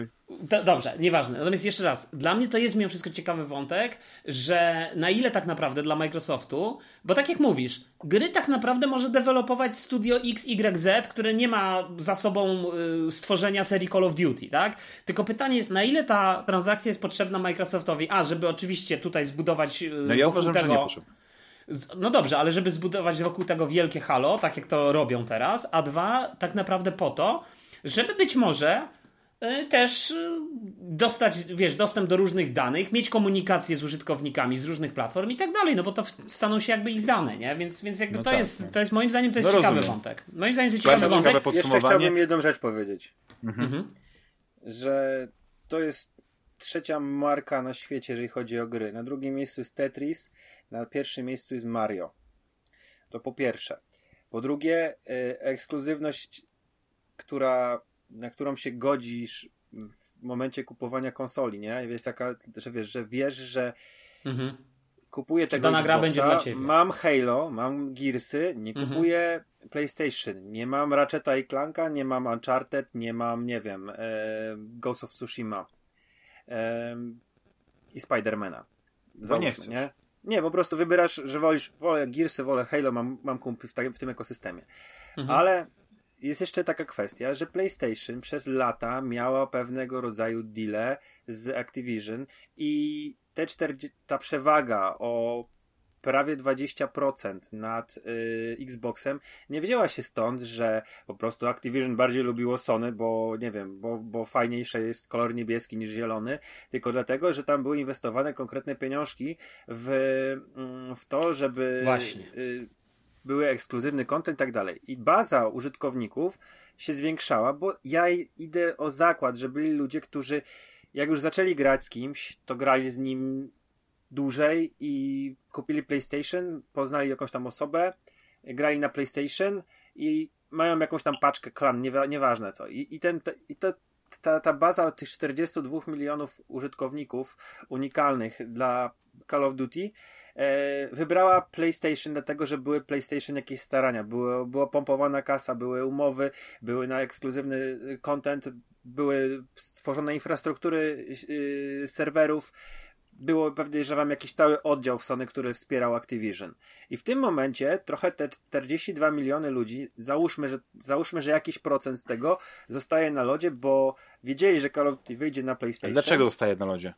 A teraz nie wiedzą, bo, bo no bo tam było jakieś tam... Nie no, trochę zostają na lodzie, no, bo nie wiadomo nie, jaka jest zostają. Nie, to powiedzcie dlaczego zostają. Bo, tego, bo jest prawdopodobieństwo, że Call of Duty na, tego, na tym PlayStation nie będzie. No to już jest, mówię, że to jest akurat yy, yy, nieprawda. A, I będzie. Bo... Może nie będzie za 5 lat, za 10, ale to, to taka, takie gdybanie. Nie no, o 3 latach Bo, e, Jeśli zakładamy, nie, że Phil Spencer wygaśnie, mówi tylko prawdę... Jak wygaśnie to powiedz... umowa, tak, taka podobno takie sformułowanie było, jak wygaśnie obecna umowa między PlayStation a Activision, która tam chyba trwać ma ze 3 lata, czy 4 jeszcze? Lata, nie 3 lata, no i problem będzie taki, że gracze będą musieli sobie kupić skrzynkę A, a nie skrzynkę B, a Sony ma inne gry i ma swoje problemy. To jest Okej, okay, dobra, jeszcze, no ja to, dobrze, ja, ja, jeszcze... Dla mnie to nie jest w ogóle problem natury. No dobrze, no natury no dla takiej... ciebie nie, ale dla niektórych ludzi może Gdyby to było tak, że dzisiaj dowiadujemy się, że władowałeś... Dla Komisji Europejskiej może no być dokładnie. to problem, bo z tych 42%, czyli 42 ale milionów... Ale Komisja Europejska nie rozumie gier i zaprasza właśnie ludzi z branży nie, i to tak no, jak mówicie, że zaprasza nie, no, z Nvidia i tak dalej. No, słuchaj, ale nie, dobra, bo, bo to jest temat... Dobra, ale ja chcę jeszcze jedno słowo też właśnie... Dobra, to powiedzcie, co chcecie powiedzieć, ja powiem też bez przerywania, okej? Wydaje mi się, że też, wiesz, Nvidia zaprosili tam, bo na przykład była jakaś technologia, które, którą Nvidia nie sprzedawała Xboxowi na przykład. Albo, no nie wiem, są, są Ale wyszło są PlayStation na, na Call of Duty, przepraszam, na, na, na Xboxa, czy nie wyszło? Nie rozumiem. Czy to jest ekskluzywna gra? Ale co? Call Mówisz o pewnych rzeczach, które były ekskluzywne czasowo. Na przykład było tak, że play, na PlayStation mogło coś wyjść ekskluzywnie czasowo. Okej, okay. ale później się pojawiało na Xboxie. Dla mnie to jest, to jest akurat kwestia Call of Duty tak naprawdę jest istotna, ale, nie, ale to nie jest sedno tego wszystkiego. Moim zdaniem Microsoftowi tak naprawdę nie zależało na tym, żeby ten ktoś przedstawił ofertę Microsoftowi. Microsoft wtedy taką decyzję podjął, ale Microsoft, w, w ogóle Microsoftowi nie zależy, żeby kupić tak dalej e, e, te, te Activision, na Stary, takiej jak zasadzie, nie zależy? Że... Tam mówimy o, ponad 60 miliardach dolarów. Jakby no tak. mu nie zależało, to by w ogóle nie było takiej, takiej Zatem... opcji. Tam tam ale, są, ale też wchodzą, tam wchodzą ja nie rozumiem. jakieś na ale pewno stare mówić, inne Damian, rzeczy. Już gra infrastruktura... w Call of Duty na PlayStation. Y, ty, Rafale, nie grasz w Call of Duty i tutaj roztrząsamy kwestię tego, że jacyś tam gracze 40 minut. No jest ale wiele tam... gier, które, wiecie, nie, ale poczekaj, ja rozumiem, żeby to była taka sytuacja jak ze Stadia. Nie, nie, Stadia mówimy... jest y, dzisiaj, zapowiedzieli, że, znaczy nie dzisiaj, ale w kwestii tak, że istnieje sobie konsola Stadia, i nagle się dowiadujecie, że wszystkie gry, w które graliście, wszystkie gry, wszystkie wasze Call of Duty i tak dalej. Ale jest refund przecież tego wszystkiego. To już jest refund, ale twojego czasu ci nikt nie, od, nie, nie zwróci. No ale, ale, ale ten czas spędziłeś z tymi grami, no grałeś w te gry, no więc jakby znaczy, nie tak rozumiem tak w czym problem. Kupisz Duty, sobie no, na inną Pograłeś sobie albo... w Call of Duty na PlayStation, o co ci chodzi? A że za 5 lat nie będziesz mógł grać w, Call of Duty na PlayStation 5? No tak, ale to nie, no, nie, nie, nie, poczekaj, no, ale to nie, nie, nie, ale, 7, ale nie, no poczekaj Damian, no ale o czym ty mówisz? To, to przecież to mówimy o, o biznesie, a nie mówimy o tym, że ktoś będzie grał, czy nie będzie grał na w Call of Duty. To jest oczywiście problem.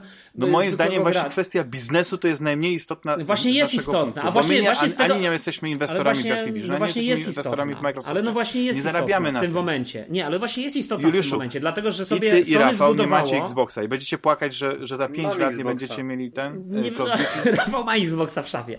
A ja mogę w no każdej chwili no, sobie kupić i co mi tutaj będziesz gadał. Ale dlatego mówię, nie ma problemu. Powiedzcie mi jeden problem taki konkretny konkretny problem. No nie no, ale komisje, ale poczekaj, tego, komisje ale to jest anty... ciekawe dla mnie. Microsoft ale to jest, po pierwsze to jest bardzo ciekawe, a po drugie słuchajcie... Jeden problem. Ale mówimy cały czas o komisji y, antymonopolowych, tak? Mówimy o komisjach, które właśnie przeciwdziałają tego działaniu i tutaj mówimy o sytuacji, w której, tak jak powiedział Rafał i tak jak żeśmy rozmawiali, ta przewaga Sony z Call of Duty nie wzięła się z, z, niczego, tylko z jakichś tam lat tej współpracy między tymi firmami. I Microsoft po prostu w którymś momencie wymyślił, nie mam jak nie robię gry dobrej, która mogłaby, nie wiem, zawalczyć o ten rząd dusz, albo nie wchodzę z nimi w jakieś takie kooperacje. No ale co z tego? Prostu, ale daj mi co dokończyć. z tego? Mogło być tak, że Microsoft no. płaci, tfu, że, no ale chodzi mi o to, że to jest, to właśnie, że to jest najmniej Mam nadzieję, że wreszcie argument. ten mit przerywania Julesa upadnie i, i będziecie, wszyscy będą słyszeli, kto tak naprawdę No dobrze, ale to powiedz coś, coś, czego żeśmy nie powiedzieli przez ostatnie 45 minut na temat, bo rozmawiamy naprawdę długo o tym Microsoftie i Activision, aż, no, aż już po prostu się interesuje, no ale dlaczego mamy o czymś nie? Nie, chodzi mi o to, że nie ma w ogóle tutaj problemu z tym związanym. Jeśli, jeśli pro... jest Słuchaj, kwestia tego, że PlayStation czy Sony zainwestowało niesamowicie duże pieniądze w infrastrukturę, sorry, ale gdzie, gdzie byliście, kiedy PlayStation zamykało sklep, nie wiem, Wity, tam pozbywało się Wity, tak? Jest gdzie byliście, Wity. kiedy... Cały czas halo, ja kupuję gry na cały czas. Tak, co, wiesz, chodzi mi o to, że gdzie, gdzie byliście, kiedy właśnie gry online na PlayStation 3 o, tak, znikały. Ja wiem, dobra, że jesteśmy teraz dwie generacje ja, ja później, powiem, ale no dobrze, te same ale dwie generacje później będzie tak samo z Call of Duty. Kupicie sposób... sobie Xboxa najnowszej generacji, który będzie super ekstra w 8K i będziecie sobie grać w, w to Call of Duty, jeśli będziecie chcieli i nie będziecie mogli grać na PlayStation w Call of Duty, jeśli za 5 lat, nie wiem, wygaśnie jakaś umowa, trudno. Trudno. Nie, po prostu nie będziemy mnie to jest żaden problem. Duty, ale, bo, wiesz, bo, ale wracając, bo, bo to fanboystwo ja, jakieś wojenki konsolowe wynikają właśnie z tego, że mamy ekskluzywność. Ja uważam, że ekskluzywność jest potrzebna, tak? Ale tutaj jest moim zdaniem argument bez sensu, że po prostu PlayStation jakieś ma roszczenia do, do marki Call of Duty, bo ma więcej graczy. No, ale nie, no ale przecież my nie mówimy FIFA, o tym, że PlayStation bo, ma roszczenia. Bo jest najwięcej nie, no, graczy nie na, Ale nie, no poczekaj, no jeżeli... jeżeli Stary, oni chronią swoich użytkowników, chcą, żeby cały czas był ale nawet wiesz co, poczekaj. do czegoś... Nie, swoich, swoich mogli... interesów chronią i tyle, no. Oczywiście, no, ale nie ma żadnej... no to chcesz, żebyśmy zakończyli tą dyskusję, a nam cały czas wrzucasz w usta jakieś swoje podsumowania tego, co powiedzieliśmy, które w ogóle nie są... Nie, bo chciałem, żebyście ostatnie słowo powiedzieli i nagle się okazuje, że z tych ostatnich słów jest 10 więcej. bo ty cały czas ja mówię, że to nie ma sensu, taka posłuchać. dyskusja. A ja mówię, o, ale ja mówię o tym, że to nie jest wcale tak, jak ty mówisz, że. Znaczy, po pierwsze, nie do końca, że Sony broni swoich Nie, no ty Sony masz prostu, inne zdanie, to chcesz powiedzieć, a nie, Sony że po prostu. Nie, nie, no mam inne zdanie. Oczywiście, jakby uważam, że po prostu Sony przez ileś tam lat zainwestowało mm, na tak, wiesz, jakąś tam współpracę z tym, z Activision Blizzard. No i, i co zwyczajnie jest, ale no daj mi powiedzieć, kurczę, no nie wchodź no mi co no, dwie no, sekundy okay. w zdanie, no i zainwestowało w tą współpracę i po prostu, wiesz, chce, yy, że tak powiem, broni tego swojego interesu, bo to też jest ważny punkt w budżecie Sony. Tak? W budżecie, nie, tu nie chodzi o żaden interes graczy i tak dalej. I ostatnie słowo jeszcze komentarza, który chciałem jakby powiedzieć, który, o którym mi przypomniał trochę Rafał, bo wszyscy mówią o tym, jaki to Microsoft jest wspaniały, że tutaj yy, kupuje ten, a Sony jaki jest teraz złe, że ono mówi, że się nie zgadza i tak dalej. Ale ludzie, no jest jednak kluczowa różnica, jeśli, so, jeśli Sony wchodzi w współpracę z wydawcami i mówi tak, zapłacimy wam tyle i tyle, jak gra będzie eksem. Przepraszam, kto przez ostatnie 20 lat bronił Microsoftowi, żeby tak robili? No przepraszam, no nikt. I, i, i Microsoft pewnie przychodził, a oni mówili, Sony płaci nam więcej. I Microsoft, aha, Sony płaci więcej. No dobra, to my was kupimy. Activision powiedział, ha, ha, ha, Microsoft, Nie, dajemy 68 miliardów. To... Okej, okay, sprzedaję, jesteśmy sprzedani. I problem to właśnie to jest to, że problem Microsoftu tak dalej, jest taki, że oni myśleli, że no? wystarczy przejąć studio jakieś, żeby oni dalej robili im gry. I tak niestety wypalili się z Epikiem, pozbyli się Epika, nie wiem jak to wyglądało, pozbyli się Bungie, no wiecie o, co chodzi. A to były studia, które oni mogli utrzymywać na, takim, na takiej stopie, jak Sony utrzymuje współpracę ze swoimi studiami, z, z Naughty Dog, z Santa Monica i tak dalej, i tak dalej. I to są ekskluzywy, dla których ludzie kupują PlayStation 5, więc ja się w ogóle o przyszłość PlayStation yy, w ogóle nie martwię, dlatego, że oni mają takie gry, takie sztosy, takie tytuły Ale my się też nie i ciągle dostarczają, że tak naprawdę to, że Microsoft Dobra, nieważne już. Rafał nie wiem, że coś grozi, koniec, grozi że za 5 lat będzie ekskluzywem Call of Duty. Okej, okay. to, że Starfield będzie ekskluzywem, okej, okay. ale tak naprawdę no, trzeba kibicować czasami też słabszemu, nie? Wiesz. No, jesteśmy teraz w takiej sytuacji, że mamy Nintendo, które jest w ogóle liderem w swojej w ogóle klasie i nikt nie, za, nie, nie, nie jest w stanie podskoczyć Nintendo, tak? No ale mamy też kategorię taką, w której są dwie konsole, Xbox i PlayStation. I teraz, jeśli Xbox nie poprawi swojej gry, nie poprawi swojego działania, to to, że oni mają Game Passa, to nic nie zmienia, dlatego że oni po prostu mają coraz mniej powodów, dla których ludzie e, chcą grać e, na ich konsoli. Oczywiście to się regionalnie gdzieś zmienia. Powiedzmy, w Ameryce jest więcej posiadaczy Xboxa niż PlayStation, ale w Europie to jest, e, wiesz, ogromna przewaga PlayStation. I teraz jest tak, albo chcemy, żeby była zdrowa konkurencja, na zasadzie zdrowej mówię takiej, żeby jedni i drudzy się, wiecie, stymulowali do tego, żeby jedni i drudzy proponowali graczom lepszą ofertę. Bo na razie jest tak, że PlayStation teraz nie ma żadnych konkurencji tak naprawdę. Może wystawiać w swoim sklepie cyfrowym gry za prawie 400 zł. Może, yy, wiecie, yy, tak naprawdę dawać jakąś taką, oczywiście nie zrozumcie mnie źle, ale powiedzmy jakąś tam swoją gorszą ale... wersję Game Passa za tę samą cenę co Game Pass, może dawać jakąś lepszą wersję yy, Game Passa za cenę większą, bo tak naprawdę Xbox nie zagraża PlayStation. I moim zdaniem to jest tylko takie pogrywanie e, Sony z tymi, z tymi rzutkami. Oczywiście to jest, to ja, ja nie byłem na, na, żadnej z tych komisji, nie widziałem jak to wygląda, nie widziałem żadnych dokumentów i to jest wszystko, e, wiecie, z głowy, czyli z niczego. No.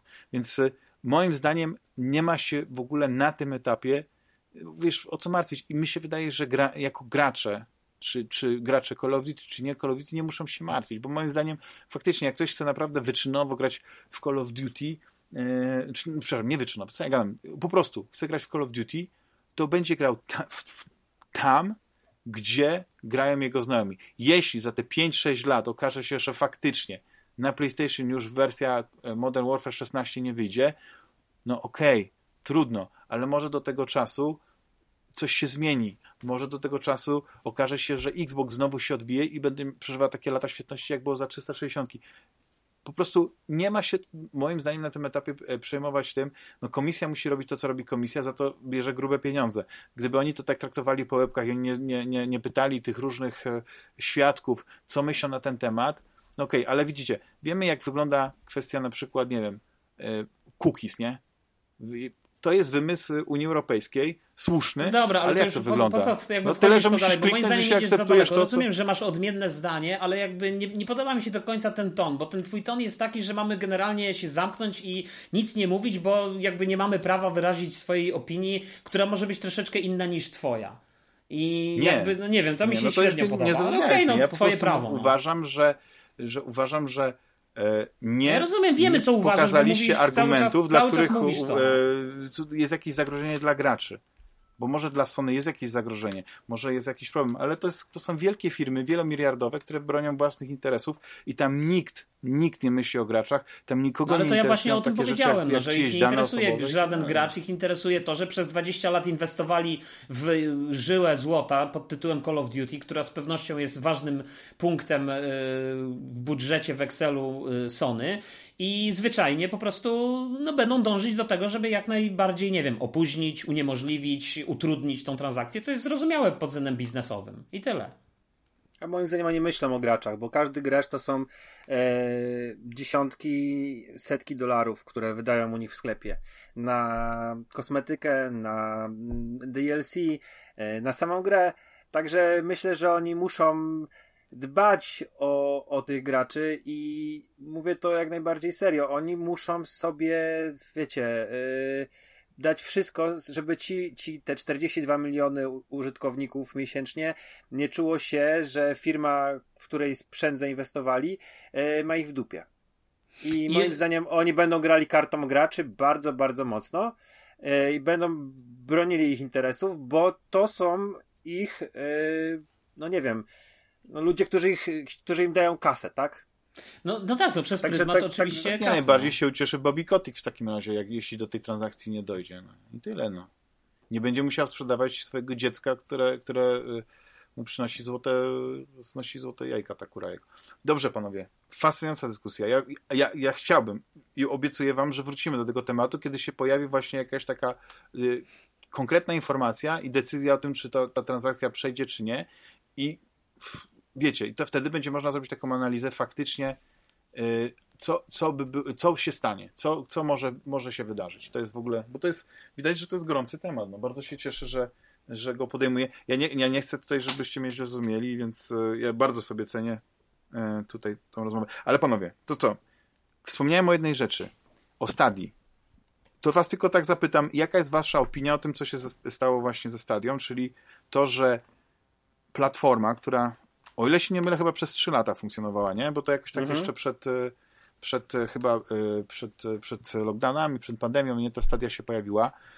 Stadia, którą ja określałem jako OnLive 2.0, nie jedyna usługa streamingowa, taka, nie, streamingowa, taki cloud gaming, ale generalnie wszyscy wierzyliśmy, przynajmniej większość, że to Google, że, ma, mhm. że za tym stoją duże pieniądze, więc być może nie będzie tego Google traktował jak każdego innego jakiegoś tam swojego pomysłu na zarabianie, który mu nie wypadł i nie zamknie e, stadii. I nagle się okazuje, że mieliśmy mieć. Jasne, tak, no i mieliśmy to. Mhm.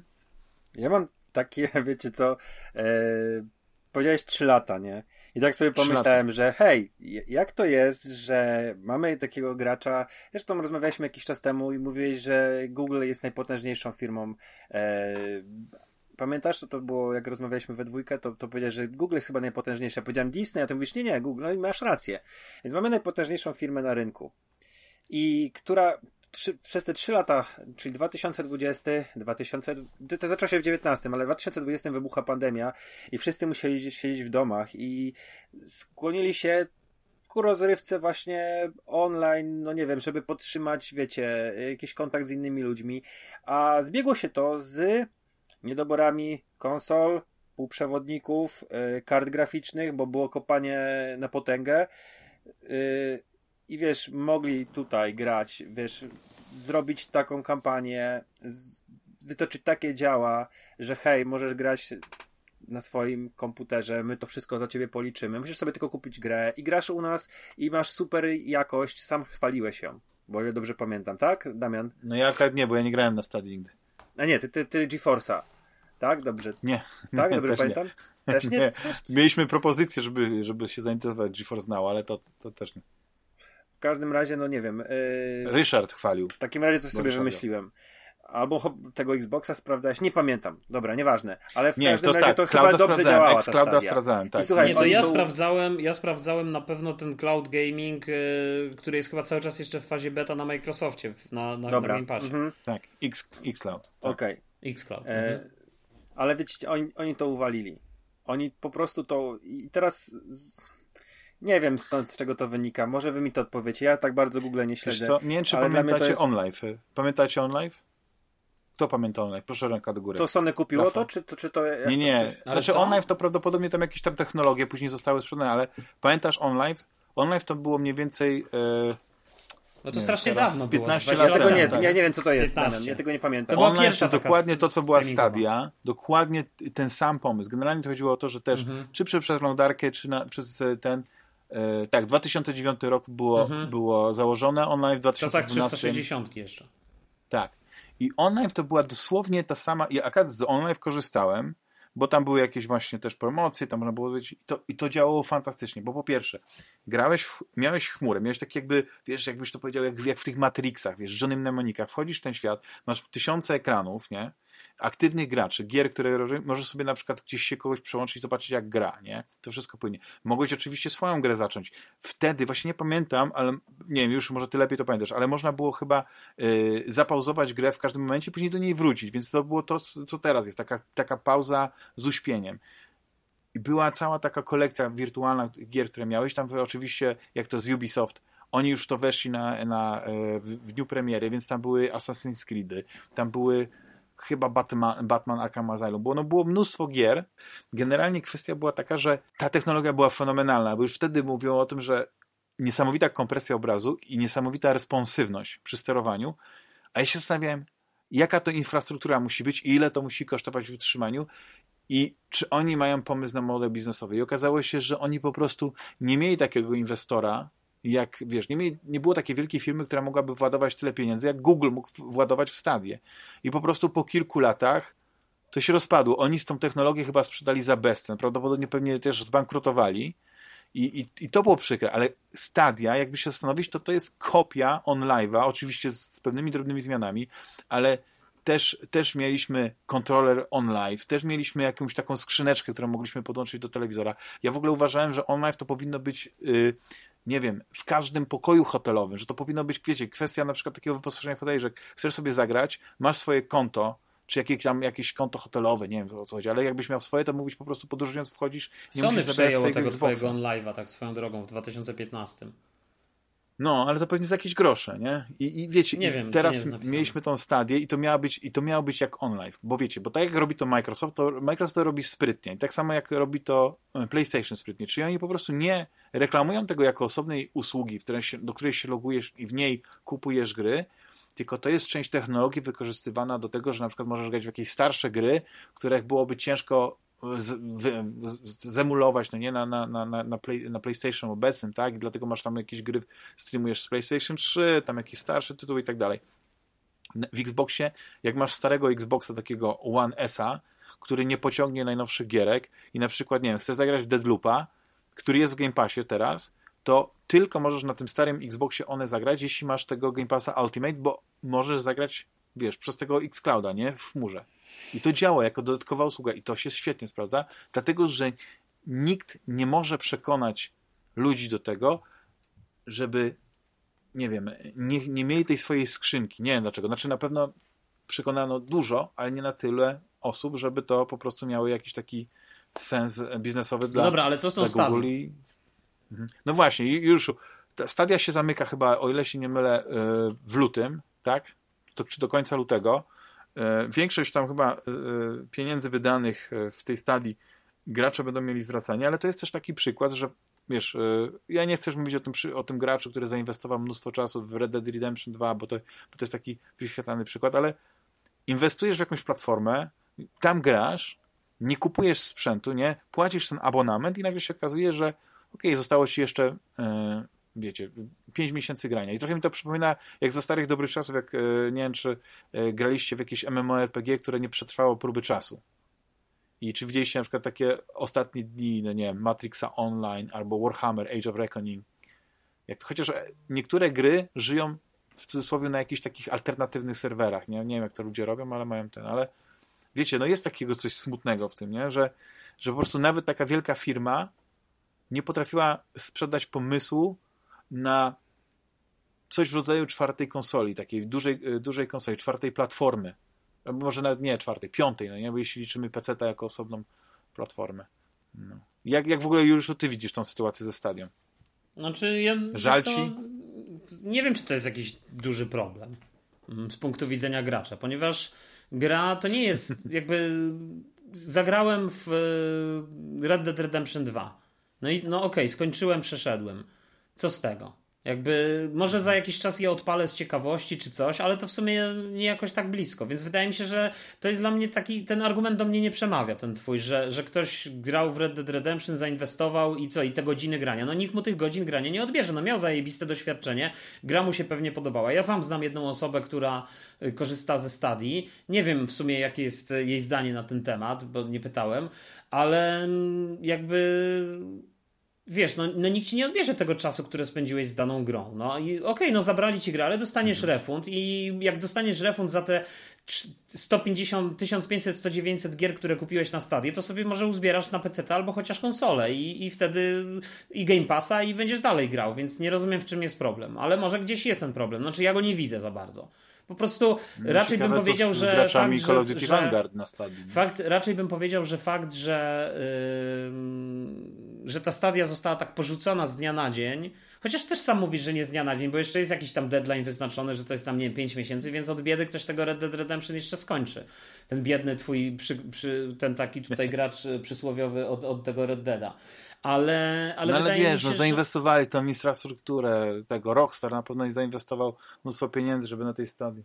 E, w każdym razie, wiesz, ja, ja tego problemu generalnie nie, jakoś tak nie widzę, nie, nie, robiłbym z tego żadnej dramy, natomiast to, co bym, na co bym zwrócił uwagę, no to, to, to jest taka mała przestroga dla tych wszystkich fanów dużych korporacji, że po prostu duża korporacja w którymś momencie może powiedzieć, że po prostu nie chcemy już dalej tego, zamykamy, tak. kończymy, do widzenia. No. I podstawcie Ciao, sobie korporację, podstawcie sobie serwis, podstawcie pod cokolwiek chcecie, czy to będzie Sony, czy to będzie Microsoft, tak? I, i myślę, Dokładnie. że to jest jedyna rzecz, która jest warta uwagi w tym wszystkim i taka przestroga, że tak naprawdę nie warto się z tym wszystkim. To nie jest, wiesz, e, chciałem powiedzieć, że to mhm. nie jest małżeństwo, no ale są ludzie, dla których małżeństwo też nie jest w żaden sposób jakimś wyznacznikiem to... stałości w życiu, znaczy, więc... E, znaczy żyjemy ostatnio, przez ostatnie, nie 20 lat, że jednak jest kilka tych wielkich korporacji, które tak zdominowały rynek i one, one trwają. A w latach 90., które tak ciepło wspominaliśmy w poprzednim odcinku Juszu, to w ogóle graczy konsol było dużo, bo były tak, Amiga CD32 miała swoją konsolę, była Sega Mega Drive, e, było Atari Jaguar, e, była, były, było Philips CDI miał swoją konsolę, było 3DO e, od znaczy właściwie można powiedzieć, że od Electronic Arts, nie? Wchodził Dreamcast, no PlayStation weszło, weszło wielkim tym. W ogóle tych konsol było tak dużo, ale one, jak coś tam nie odpalało, to pamiętacie, że one tak dwa, trzy lata, niektóre konsole nawet roku nie przetrwały. Znaczy nie no, ale wiesz, no bo każdy biznes, chciał koniec. Na rynek. Nikt chyba nie płakał wtedy. Teraz jest taki sentyment, wiesz, wszyscy płakali po Dreamcastie, no nie, ale jakoś, jak, jak ten Dreamcast wyszedł, to jakoś się sukcesu nie odniósł i nikt, nikt gier nie kupował, nie wiem, co się... I teraz, teraz właśnie kwestia jest, że może ludzie płaczą po tej stadii, ale kto grał w tą stadię? Tylko dla mnie bardziej chodzi o to, że ta technologia, no nie? że ten pomysł na to, że nawet Google nie umiało tego sprzedać, ale Google chyba po prostu ma gdzieś w nosie, wiesz, e, e, jakby promowanie jakichś ty, takich rzeczy i po prostu jak coś się nie sprzeda, to zakopać, zaorać, zapomnieć, nie? Znaczy tak jak każda duża korporacja po prostu, która jakby w tak. ten sposób działa i tyle. Wiesz, ale to jest też w sumie dziwne, no bo oni, a nie, czekaj, to Google, tak? To, to, to nie Facebook, czy tam Meta, wszystko jedno, bo to oni rozwijają te swoje y, okulary. W każdym razie, mm, nie wiem, no dla mnie to nie jest jakiś duży problem, bo tak jak mówię, po pierwsze będzie, ci ludzie dostaną zwrot swojej kasy, to po pierwsze, a po drugie finalnie y, czasu spędzonego z daną grą nikim nie odbierze, nikim tego nie wymarze. Mhm. Jakby ten fan, który mieli, no mieli, no mieli ten fan. Fajnie mi się grało w Red Dead Redemption 2 czy w cokolwiek innego na jakiejś innej konsoli. I jakby to, że już nie mamy Xboxa 360 tak. nie, nie zmienia tego, że świetnie się na tej konsoli w ten czy inny tytuł bawiłem, nie? Mhm. Znaczy ja mam, ja trochę się obawiam, bo w kontekście e, fantastycznego Steam Decka że Steam Deck teraz jest na takim, y, w takim momencie, że ta produkcja już jest na tyle y, duża i, i, i zapotrzebowanie, czy jakby wiesz, po, e, popyt na, na tę konsolę już zmalał do tego poziomu, że już nie musisz czekać, tak? Że nie, nie, nie czekasz kilka miesięcy na, na konsolę, właściwie to możesz dzisiaj kupić i, i za tydzień, dwa ją dostaniesz, ale Valve też, jako duża korporacja, też miał kilka pomysłów, których nie pociągnął, bo po prostu właśnie, i tu jest kwestia znaczy Valve to w ogóle tak? akurat jest firma, która Valve miał Stream Controller, pamiętasz? Stream Controller nie, nie pociągnął tego Steam Controllera. Miał tego z, taki, do streamowania tą skrzyneczkę. Mhm. E, no, gdzieś tam możesz kupić, to prawdopodobnie działa nadal, ale tego nie ciągnie. Był taki moment e, i nawet niektóre firmy, jak na przykład Alienware, wydawały taką mniejszą wersję desktopa, taki ze tym Steam OS-em, żebyś miał taką niby pecetową konsolę.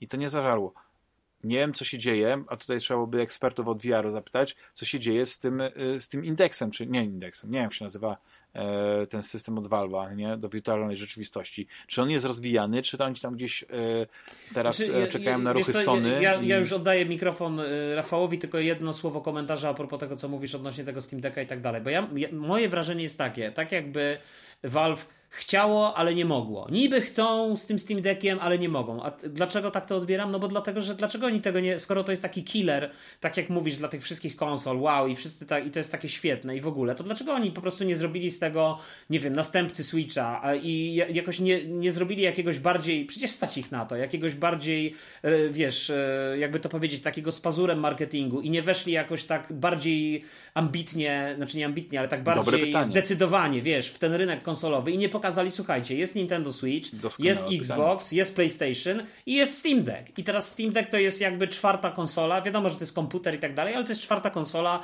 do kompletu i my chcemy walczyć o ten sam kawałek tortu, w, pewnie w dużej mierze, o który, który ma Nintendo, chociaż ja się z tym nie zgadzam, dlatego że znaczy, nie, nie, ciągu, ja rozumiem, nie wygrają, że bo nie mają jest, gier Nintendo. To, no więc to, to, właśnie, nie, nie mają nawet... gier Nintendo. Co ty, to, co ty mówisz, że możesz na Steam Decku odpalać gry, czy jakiś jeden słynny, pamiętam bloger jakiś, czy caster, podcaster opowiadał, że on może na Steam Decku wszystko odpalić, ale to jest nielegalne. To, jakby to nie ma czegoś no nie, takiego. No to o takich przypadkach nie mówię. Nie, nie, nie. Ja no. mówię o tym, co ja mogę odpalić, bo ja, w, co, w, co, ja gram. Znaczy nie powiem w, w jakie gry i tak dalej, ile ten, ale mam oprócz Steama, mam podłączonego Origina, mam podłączonego e, Ubisoft Connect, mam podłączonego Epic e, Game Store i GOG Game Store, więc mam te trzy, e, trzy, cztery największe platformy z grami i to wszystko na tej konsoli mi chodzi. No, skończyłem y, Assassin's Creed Syndicate. Nie mogę złego powiedzieć słowa o tym, jak ta gra wyglądała, albo jak chodziła na tym. Ale Teraz nie, no to ja to, drugą wiesz, część Dead Space'a. Ja to, ja chodzi jak żyleta. Dla mnie, dla mnie jest kluczowe pytanie. Dlaczego y, y, Valve zamiast właśnie nie zrobi po prostu Yy, takiego, wiesz, pytanie, bo, bo, w tej, tak. bo to jest cały czas Steam, to jest sprzęt dla, powiedziałbym, w cudzysłowie profesjonalnych profesjonalistów, takich, tak. entuzjastów, dla ludzi, którzy po prostu wiedzą, że gdzieś tam w odmętach internetu można znaleźć y, Steam Decka. Ale to nie jest sprzęt masowy, że ty sobie wejdziesz do Mediamarktu i sobie kupisz Steam Decka, a to moim zdaniem to tak powinno być. I wtedy no rzeczywiście, no i wtedy Steam Deck zapewne nie, nie byłby tak, nie, nie, nie bałbyś się o to, że on zostanie za rok czy dwa porzucony, bo się okaże, że kupiło go tam tysiąc ludzi na krzyż, nie w cudzysłowie. E, albo że, że za mało i tak dalej. Mieli no tą jeżeli... sprzedaż, e, wiesz, póki kontrolują sprzedaż i, i tą marżę, to wiesz, to mogą narzucić e, taką cenę, a gdyby trafiła ta konsola, konsolo PC przynośny do sklepów, to być może ta cena była dużo wyższa, bo musieliby narzucić marżę jeszcze sklepową, no ale no nie wiem, no nie no, ale wiesz, ale też firmy, wiesz jakie są te cykle konsolowe i tak dalej i że firmy na początku zawsze do tych konsol trochę dokładają i później zaczynają na nich tak. zarabiać i tak dalej, więc znowu nie wiem jaka jest filozofia, jaka jest koncepcja Steam Decka. Znaczy moja na pewno, moje wrażenie jest takie, że ten sprzęt jest mimo wszystko źle wyceniony. Dla mnie jest za drogi, ale to jest moje personalne zdanie i... Czy ja mam też takie wrażenie, że, że to jest coś, jak masz tyle pieniędzy co Gabe Newell i masz taką firmę jak Valve, która nie jest znotowana, jest firmą prywatną, więc ona nie musi się przed jakimiś akcjonariuszami tłumaczyć z decyzji i, i rozliczać ile zarobili ile nie, ile stracili. Po prostu chyba Gabe Newell doszedł do wniosku, że chciałby mieć taką fajną, przenośną konsolę, na której mógłby grać w gry. E, tam, no, to oczywiście żartuję, no ale może była jakaś taka, wiesz, inna motywacja, związana bardziej z tym takim takim elementem geekowskim, tym entuzjastycznym, ale mam nadzieję, że to się przerodzi w, w coś, co być może tym razem może właśnie wypali. Tak, tak, bo ten, bo ten Steam Deck, wiesz, my tu mówimy e, na razie o małych milionach, że się tak wyrażę. Ktoś powiedział, że tam się sprzedało powiedzmy ponad milion, ktoś może powiedzieć, że, że tylko trochę więcej niż milion, ktoś może powiedzieć, że trochę więcej niż milion. No nie wiem, jakiś taki tak w okolicach tego miliona krąży w każdym razie. To jest nic w stosunku do. To, to, to by była imponująca e, liczba sprzedanych e, egzemplarzy konsoli, gdyby to było w latach 80. Ale my mówimy o, o, o tym, że jeśli coś się nie sprzedaje w liczbie tam, nie wiem, 10 milionów, to to nie jest sukces. I teraz. Wiesz, może dla nich wiesz... to jest sukces, wiesz, no ja bym też tak nie mówił, bo sam mówisz, to jest trochę inna, inne podejście, inna firma i tak dalej. Ale dobra, nie dość z mhm. moimi. Rafał, Rafał, Rafał Stadia, Stadia, Steam Deck, e, two, twoje spojrzenie. Zamówiłeś na, już na, Steam Decka? Na, nie, na, na, na, to, jak te sprzęty y, pojawiają się i znikają. I, i nikt się o tym nie, nie, nie, o tym nie myśli, nie martwi o to.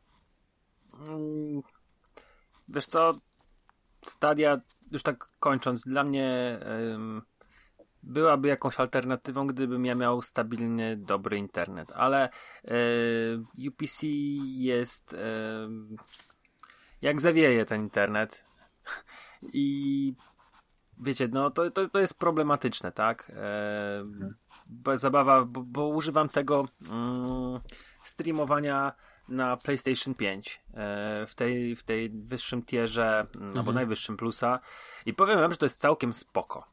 E, sprawdziłem trzy gry. Sprawdziłem Batman Arkham Origins, sprawdziłem Miki, e, kurczę jak ta gra się nazywa. Mm, Epic? Początkowo, Nie.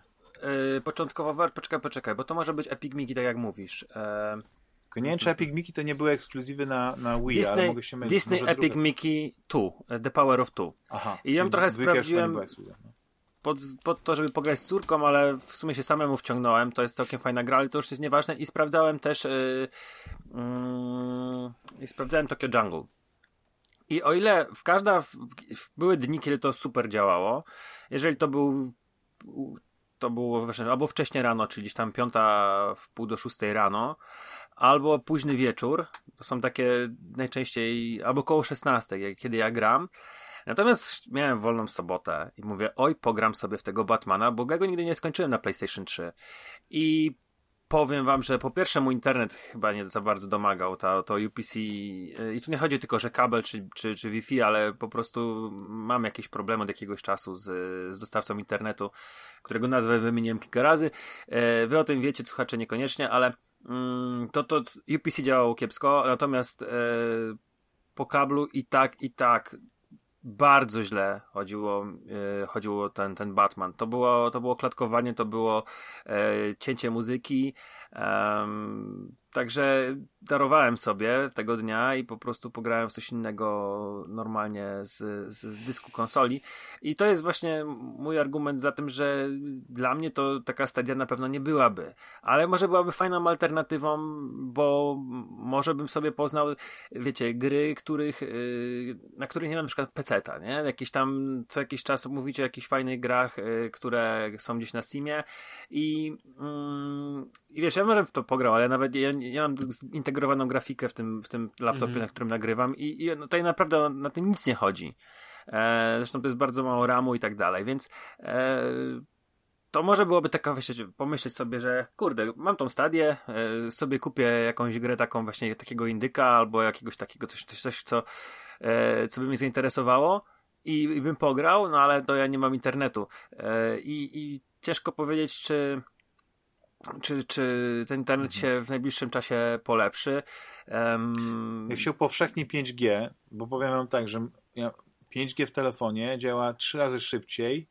Wiesz, tam to są prędkości, ja mówię tam prędkość tam 600 e, e, megabitów, czy jak ktoś tam liczy, e, na telefonie przy, mhm. przy jakichś tak minimalnych pingach. No to 5G to jest, no to jest przyszłość i wiecie, i, i, i prawdopodobnie jakby jakby, nie wiem, ta stadia, nie wiem, czy, wiesz, ciężko powiedzieć, wiecie, ciężko powiedzieć, że za wcześnie ona się pojawiła, bo, bo właśnie te problemy, że jeszcze nie wszyscy mają dobre połączenie z internetem, ale kurczę, no, OnLive też można było powiedzieć, że pojawił się za wcześnie, więc Nvidia poczekała 10 lat, zrobiła swoją usługę i okazuje się, że jeszcze, co, ciekawe, czy musimy kolejne 10 lat czekać, że znowu ktoś podejmie ten temat, bo jeśli e, Google spaliło, no to jedyna nadzieja, moim zdaniem, to została albo w Apple'u, co wydaje mi się, że oni w ogóle tego nie będą chcieli ciągnąć, bo ich gaming jako taki nie interesuje. A to jest albo wiesz, jedna trzecia ich wpływów, z, albo więcej z, e, z, z, ich, z ich sklepu. No, to jest takie rentierstwo, wiesz, takie pasywne, wiesz, oni po prostu, e, bo inni wydają gry na, na tej platformie, ale oni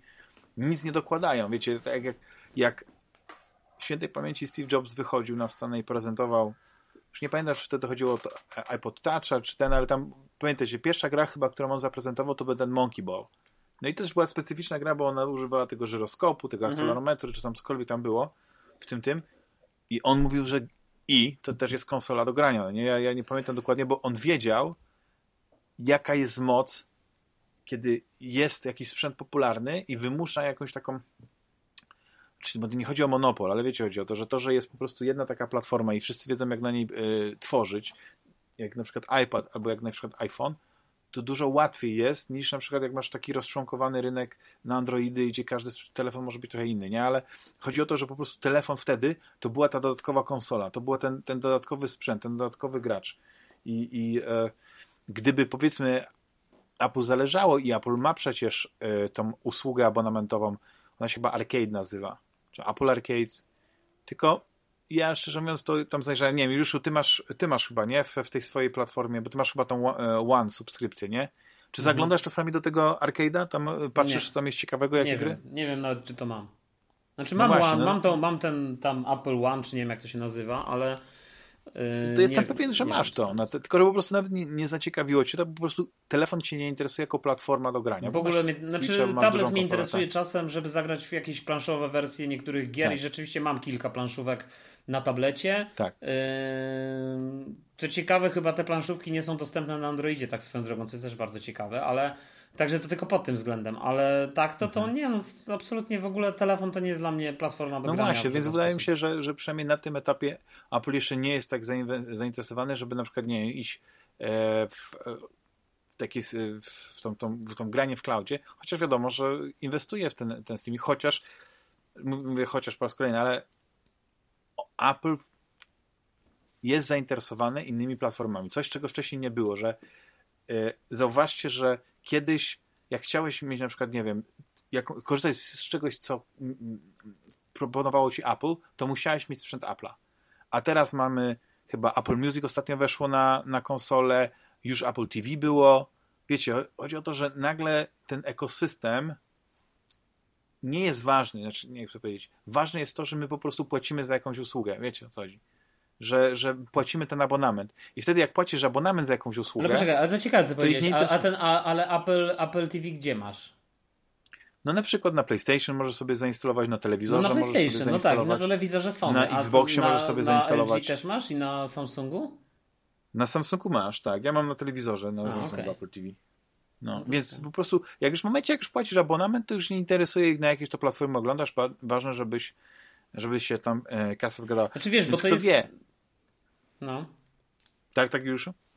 Nie, no nie wiem, słuchaj, no nie wiem, czy chcemy... Znaczy ja uważam, że jedyną firmą, która może podjąć temat y, rozbudowy tego grania w chmurze, to jest w tym momencie tylko Microsoft. Tylko Microsoft też nam obiecuje pewne rzeczy, a później się okazuje, że nie dowozi. I takim przykładem absolutnym to są te ich HoloLensy, które... Y, Ale poczekaj, jeszcze a propos Kinect. Microsoftu, tu, tu ci wejdę brutalnie w swoim starym zwyczajem yy, w słowo.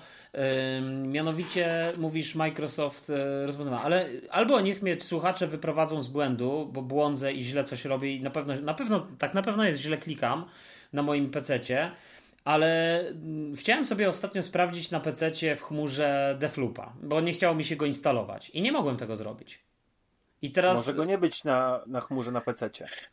No Wiesz i teraz. Co, to nie, to znaczy, jest, jest w sensie gdzieś, tylko ja go... jest bardzo to jakoś dziwnie ukryte właśnie to. Ja, ja tego w ogóle ja nie chodzi lubię mi tego o, Nie, nie, ale poczekajcie, bo chodzi mi, nie chodzi mi o odpalenie Xclouda przez tą platformę ich tam Xcloud, coś tam przez przeglądarkę, tylko mam aplikację normalnie w Windowsie zainstalowaną, Xbox, Xbox tam ten Game Pass, czy nie wiem jak to się tam nazywa, czy Xbox po prostu to się nazywa i tam po prostu wszystkie gry mogę sobie instalować, grać i tak dalej. I i tak naprawdę chmura to mi się tylko przy niektórych grach włącza i generalnie... No właśnie, to jest G straszne oceny Microsoftu, że, że nie ma tego. To powinno być tak, niech, na, niech zrobią kolej, nową aplikację, która się nazywa Xbox xCloud albo Xbox Wiesz, Cloud bo to, jest, bo to jest tak samo, bo to jest tak samo jak chciałem na przykład sprawdzić sobie teraz, zobaczyć, bez, nie będę instalował 120 giga czy tam 150 giga yy, Flight Simulatora, tylko chciałem sobie go odpalić w chmurze i zobaczyć jak działa. Wiadomo, że i tak na laptopie 1080p i tak dalej, mhm. więc to nie powinno być wielkiego problemu i też nie mogłem odpalić tego w chmurze. Właśnie ale wiesz co, bo to jest, no chyba, to jest wina jakichś tych aplikacji. Nie, bo ty źle, ale... źle robisz, ty głupku, ty źle nie. to robisz, ty robisz to tak jak to robią Sony, a powinieneś wejść na stronę, przeglądarkę, ustawić przekierowanie proxy, zmienić hasło w rejestrach nie. i w końcu zacznie działać. Nie, nie, nie, ale y, y, w, w, w pewnym momencie mówiłeś y, dobrze. Chodzi o to, że tak, że z tego co wiem, to większość osób, które korzysta z tego e, cloudingu na PC-tach czy w ogóle, to po prostu przez przeglądarkę. Wchodzisz tam nie wiem jak się ta strona nazywa, mhm. ale po prostu odpalasz odpalasz to, nie wiem czy to jest e, to się chyba nazywa XGOM, e, Xbox.com Play, nie? Po prostu no dobra, no to okej, okay, tak no ale to dlaczego nie I tam się logujesz i masz tam wiesz, no, Cloud Gaming jestem... Beta i masz wszystkie te gry. No rozumiem, ale wiesz, może ja jestem właśnie taki głupi i naiwny, bo liczyłem, że jak mam jak już zainstalowałem aplikację Windowsową, to powinienem mieć to w aplikacji Windowsowej, no kurde. Ale właśnie niektóre gry się. Nie wiem, słuchaj, bo ja kiedyś ale, próbowałem odpalić gry, Medium chyba Ale tak niektóre gry są dostępne w tej aplikacji Windowsowej jako właśnie jako cloud. Co, co też no. jest dla mnie takie mylące, no. Dziwne, dziwne to jest też, zgadzam się w 100%. No ale to, jest, to jest Microsoft, dziwna, widać, że. Dziwna jakaś polityka. No, oni mają dziwną politykę, no nie? Wiesz, ale oni też są tacy jak Google w niektórych przypadkach. No to jeszcze raz wspomnę. HoloLensy prawdopodobnie już liczą na to, że my zapomnieliśmy, jak to działało. No ja pamiętam, a działać ja miało filmiki, świetnie. jak koleś naprawiał rower i na HoloLensach mu się, czy tam motor i na HoloLensach mu się tak, wyświetlało, to teraz tą część musisz tu zrobić, tak. wiesz. Augmented reality for users of Microsoft. Ale to ja widziałem lepsze dla graczy, jak na przykład ktoś miał te okulary i patrzył na stół, a na stole widziałeś taki piękny widok z góry Minecrafta, wiesz, cały ten model i mogłeś się przyglądać, a ktoś grał po prostu tego Minecrafta i był w tym świecie, wiesz, i widział ciebie tam gdzieś w górze, to po prostu bajka, nie? To wszystko wyglądało świetnie, ale wiesz, z Kinectem też oszukiwali, kłamali miał być niesamowity, no, no, i też się niesamowite urządzenie, tego, które wykrywa nie tylko ruch, ale też potrafi z twojego głosu wykryć emocje i w momencie, kiedy tylko machniesz kartką, tam szczytywać tekst tej kartki. No, wszyscy pamiętają Milo. No, ja pamiętam, no, okazuje tak. się, że nie dowieźli. Ale to jeszcze były, ale to jeszcze były czasy, wiesz, ale to jeszcze były czasy tego Xboxa One, gdzie ten Kinect de facto, w ogóle gdzie ten Xbox to było, tak? Oni go reklamowali jako to twoje centrum rozwoju, tak naprawdę w najmniejszym stopniu jako konsola, a w największym jako po prostu, do, że tak powiem, nie wiem, extender do magnetowidu, no nie wiem jak to nazwać tak, po prostu. Ale przestrzeli po prostu w, w, złej publice pokazali urządzenie, bo oni powinni no tak. tej publice pokazać urządzenie jako konsolę, a, a jakimś tam ludziom, którzy y, mało grają, ale bardzo chcieliby mieć takie właśnie centrum rozrywki, taki, takiego media center, pokazać, że patrzcie, teraz to nie tylko już tylko te płytki DVD, Blu-raye i tak dalej, ale tak, macie te wszystkie swoje aplikację do streamowania. Dodatkowo możecie sobie podłączyć tą telewizję naziemną kablową i to sobie synchronizować. Jakie to jest super. Wiesz, ja w ogóle z pierwszego Xboxa najbardziej lubiłem tego Snapa, bo to było coś rewelacyjnego bo mogłeś sobie no tak, odpalić wiesz, na przykład, nie wiem, jakiś filmik na YouTube i grać w grę. Ale wiesz, ale z perspektywy Google'a i, i tych aplikacji googlowskich, to Smart House i tak dalej, to co wszystko robisz sobie, czy, czy Apple tak samo to gdzieś tam ma, to tak naprawdę ten Xbox staje się jakimś niepotrzebnym klocem, tak? Ten, ten, ten pierwszy do tego tak naprawdę był, nie? No bo zobacz jak to poszło. Dzisiaj masz w telefonie i wszystkim możesz całym domem sobie zarządzać z poziomu telefonu kilkoma tak, tak, tak. Y, swipe'ami, nie? I tyle. No. Wiesz, jakby nie, nie, nie musisz po prostu się tym przejmować, tak? No nie wiem. No, w ciekawych czasach. No, ale ciekawych okay, czasach, no nie, nie. gdzie, gdzie ale coś Kojima się pojawia, ale uratowany. Kojima uratowany, cieszę się, chociaż szczerze mówiąc, A wy Kojima nie, co tam Rafał, robicie? A Kojima siedział Kojimy, to wszystkie te... w piwnicy, wiesz, tam w, tym, w, tej stadii i robił tą swoją grę. Co wy tu robicie, Kojima? Przecież my zamykamy tą stadię. Aha, pokażcie. No fajne, fajne. Ale Kojima od razu do, wiesz, ja e, wziął te wszystkie swoje zabawki i przyszedł do fila. Słuchaj, jest w Microsoftie taki jeden, co wszystko kupuje. Po prostu idzie no przez i Phil z otwartymi rękami przyjął Kojimę. Ja się założę, że następny odcinek, albo jeden z następnych kolejnych odcinków, nie wiem, może, może za, za kilka tygodni tego Hideo Kojima Presents Brain Structure, tak to się nazywa ten tak, podcast, tak, tak, że dokładnie. prawdopodobnie będzie jakiś odcinek z Philem Spencerem, bo to jest tak, moim zdaniem, fatalny podcast. Nie Oczywiście, dlatego, że, że, że on jest. Ja nie słuchałem. To nie, to nie jest... chodzi o to, że on, że Kojima jest fatalnym człowiekiem. Nie, nie. Chodzi o to, że to jest podcast, który jest tak naprawdę niepotrzebny, bo tak, po pierwsze, tematy są yy, dosyć płytkie, mimo że tam się wydaje, że coś ciekawego tam on mógł po coś powiedzieć, ale tak, to jest mega krótki podcast i na przykład poświęcił dwa odcinki 20 minut, pół godziny max, nie? Tam jeszcze Jeff czego... Keighley jest, nasz ulubieniec. No tak, jest Jeff Keighley, który po prostu gada o takich pierdołach, jak na przykład, wiesz, ten Zdezaktualizowane newsy, nie? Tak, no taki, wiesz, tygodni. czyli to nagrywał pewnie dwa miesiące temu, wiesz, materiały dla tego. Ale moim zdaniem szala się przebrała, jak tak, jeden odcinek był i opowiadał, że obejrzał film Nope, tak? I nagle w następnym odcinku je, rozmawia z Jordanem Pilem. I mówię, kurczę, no to fajnie, no posłucham, może coś ciekawego będzie. No jakoś zdaje się, że to jest w ogóle krótka rozmowa, taka pierwsza i najpierw jest taka, wiesz, kilo wazeliny. I już po tym kilo wazeliny, po tych 20 minutach, bo tyle ten odcinek trwał, już mi się nie chciało tej drugiej części słuchać. Bo druga część za tydzień wyszła, i ja, czy tam, kiedy ten, ten podcast wychodzi, i ja już Raz tygodniu, się tego podcastu. Dokładnie. Tak, i nie może ty masz, Rafale, jakieś odmienne zdanie, jeśli chodzi o ten odcinek z, Uważam, z Jordanem Pilem, nie, ale, ja nie, te, ale tego nie lubisz. Więc, yy, więc nie słuchałem tej rozmowy. Natomiast dla mnie to jest yy, marnowanie zasobów ziemi, e, energii na, na, na stworzenie tego, bo to jest absolutnie. Przesłuchałem ten pierwszy, on nie powiedział nic, czego e, osoba zainteresowana nie znajdzie na, w ciągu pięciu minut w internecie, korzystając z Wikipedii, Metal Geara i, mm, e, i, i czy nawet zwykłej Wikipedii bardzo dziwną technicznie to jest, że on mówi po japońsku i mamy lektora, tłumacza, Mm, to, to, to bardzo dziwnie brzmi. Nie podoba mi się to. No, ale on się nigdy nie decyduje, jako Japończyk jest jak skromny, Cortane, taką, no nie wiem, która jakby zapowiada to wszystko, nie?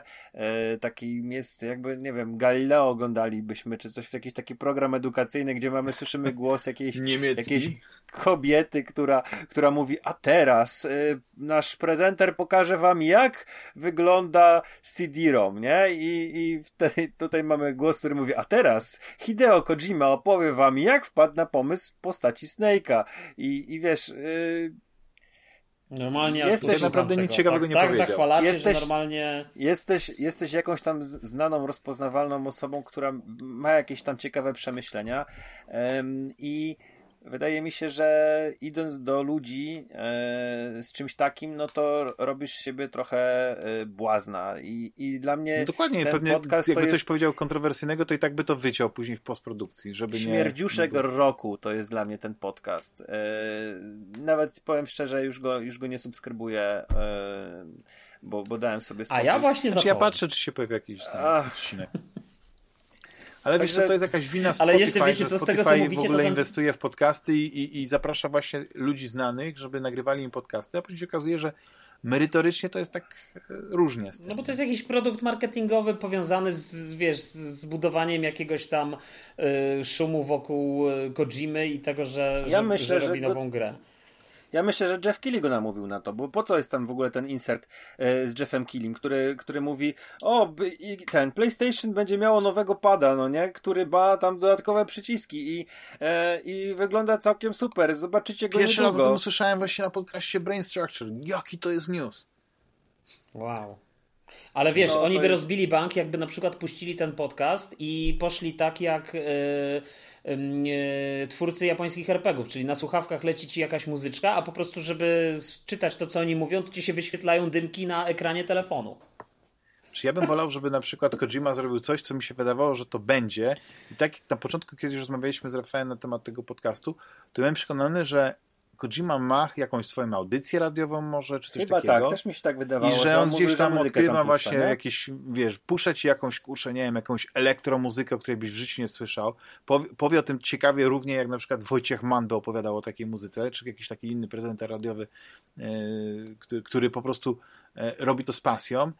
Mógłby powiedzieć o jakimś filmie, z pasją, ok, ale to byłby jakby taki część całości, żeby to chociaż godzinę trwało, żeby to, że to miało, wiecie, jakieś taki, takie bardziej mięsiste. I nawet wtedy, jeśli on by mówił tam pierdoły i byłby ten segment pięciominutowy dla Jeffa Killego, to bym miał takiego wrażenia straconego czasu. Ale jeśli na przykład podcast trwa 20 minut i z tego 15 minut to jest takie, wiecie, wchodzenie sobie i tam, yy, wiecie, takie, to, to przypomina, gdyby to był podcast wideo, to bym sobie tak wyobrażał, że Jordan Peele i Kojima, yy, Hideo Kojima stoją naprzeciwko siebie i, i się, się po prostu kłanają przez 15 minut. I wiesz, bo jeden drugiego docenia, no nie, no bo wiesz, no co by nie mówić, Hideo Kojima e, to jest, to jest e, człowiek, który, który no, któremu nie można odmówić, e, tak, nie można mu odmówić tego wkładów, tak, więc nie umniejszymy tego nigdy, mimo, że ktoś może na przykład go lubić lub nie, jego gry lubić lub nie. No i Jordan Peele, ja uważam, że poza tym, że jest świetnym komikiem, bo uwielbiam go za jego role właśnie komediowe, to y, ja uważam, że, że jest świetnym reżyserem, ale nie zawsze powiedzmy te jego filmy są ciekawe. Ja na przykład Get Out bardzo lubię, bo mi się wydaje, że jest e, dobrze zrobiony. Ja wiem, że to jest jakiś plagiat z jakiegoś tam filmu, tam już to dostrzegłeś. Nie no, śmiałem się, że to jest pora mroku Polska, ale tak naprawdę. A później pisałeś, jest... że Skeleton Key. Skeleton Key, tak, że amerykański Skeleton Key, tylko no, myślałem, że mówisz o tej kwestii podcastu, a ty mówisz o moim tweetie, który tam wczoraj puściłem. nie, nie, chodzi mi o to, że w ogóle generalnie jeśli chodzi o Jordana Pila, to też, y, że też uważam, że to jest osoba, która jest, y, ma pewne osiągnięcia i, i w kontekście powiedzmy tego filmu Nope, okej, okay, tu jakoś do, dotarli do siebie. Prawdopodobnie było tak, że Kili miał kontakty, bo on nawet w jednym podcaście wspomina, że Kili to jest człowiek, który ma kontakty praktycznie do każdego, tak? Tak. Że ma jakiś tam pewnie ten swój taki, wiecie, kalendarzyk i tam ma nie jedno nazwisko. To może to jeszcze inaczej telefonu. wyglądało z tą tadią, stadią. Oni się umówili na piwo i Kojima mówi do niego Jeffu-san, yy, weź mi daj tutaj jakiś, wiesz, robię taką grę, nie wiem co zrobić, włożyłem w to tyle roboty, para w gwizdek, zamykają mi stadię i tak dalej. A on mówi, słuchaj, nie martw się Hideo, nagramy podcast. Mam takiego gościa, co wszystko kupuje, jak powiedziałeś. Mam tak. takiego gościa, który kupuje wszystko, wiesz, i, i słuchaj, nic się nie martw. Tylko mnie zaprosisz, to ja od czasu do czasu coś tam po opadach poopowiadam, wiesz, i tak dalej. Nie? No ale patrz, do tej okay. pory Death Stranding nie jest na Xboxa, chyba, że się mylę. Jest, chyba w Game Passie. Ale na PC ta jest. Na PC jest. przepraszam. To nie, to się, to, to, to szczekuje. Ale nie, ale generalnie y, dla mnie to jest to jest e, bardzo stracony potencjał i, i, i gdyby, gdyby miało się coś tutaj rozkręcić, to tylko w kierunku właśnie tego, że zwiększamy formę i nie mówimy o, o bieżączkach, tylko właśnie niech kurczę Hideo Kojima powie o swojej fascynacji na przykład e, Lemem. Nie, książkami Lema, bo, bo y, tam też się robił sobie zdjęcia z Solarisem, nie tam pokazywał swoje, swoje wydanie japońskie, nie, ja bym, które ja bym pierwszy raz było tłumaczone Jeff, z polskiego o, bezpośrednio znowu na japoński, Jeff do mnie, a nie z angielskiego na japoński. Nie, znowu, ja bym chciał, żeby był inny, że tak, o, znowu Jeff do mnie przyszedł, no, cześć, co tam masz? No słuchaj, nigdy nie zgadniesz, Hito, co masz? No przyniosłem takie, słuchaj, białe pudełko, otworzyłem, rozumiesz, w środku, a tam normalnie, słuchaj, fantastyczny design, niemal jak sztuka. A co to za pudełko? O, to Xbox. Unboxing. To Xbox Series S. No, niesamowite. Zobacz, jak to świetnie wygląda. No, no nic, e, to, to, rozumiem, że, że tutaj nie będziemy już nic dodawać do tego fantastycznego. Nasza recenzja, nasz wymyślać, podcastowy ja, recenzja ja podcastów wymyślać... Hideo, Hideo 5 na 10. No, daję na zachętę. A ja zamierzam Rafał, słuchać tego podcastu. Zachęciliście mnie. Juliusz będzie, słuchaj, będzie ocena w następnym odcinku. Rafał? na 10? E, 10. No, na 10, na 10 ile? E, 1, 2, 3. No nie wiem, wiesz co, z sympatii do, do Hideo to dam 2. Dobrze. Yy, teraz krótka piłka. Panowie, cieszycie się, że CD, CD Projekt, czyli CD Projekt Red y, zrobi Tchorgala? A z, tak, zrobią? To będzie tak dobry. Pewien? Nie, no, ale obraz chcę... dostał, obraz dostał, tak? Yy, o ile dobrze Tak, kojarzę. spotkanie Wiedźmina z Tchorgalem. Od, od Rosińskiego, nie? Tak, rok e, temu. Także wiesz co, tutaj to mogło być twoje, twoje, twoje przewidywania były, mogły być prorocze. Yy, ja nie, nie, nie czytałem nigdy tego komiksu, nie jest obojętne.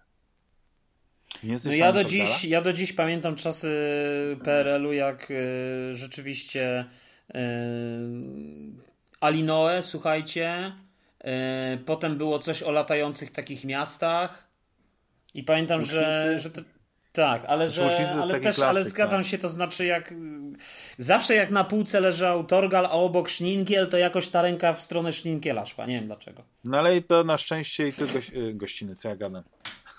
Rosiński. Rosiński dobrze mnie? Teraz, teraz już prawdopodobnie. Rosiński, Rosiński. Tak, tak, tak. tak. Nie, bo ostatnio oglądałem Asterixa i Obelixa i mi się gościnny gdzieś w głowie zaczął mieszać. Yy, no, no, no, ja, ja bym chciał. Ale poczekaj, no, ale oni jak, robią? Jak oni, oni, oni... tylko w, klim, w uniwersum Torgala, naprawdę. Nie wiemy, czy robią. Na razie ten projekt ma jakąś tam swoją kodową nazwę. E, to są przypuszczenia Hadar, tak? tylko.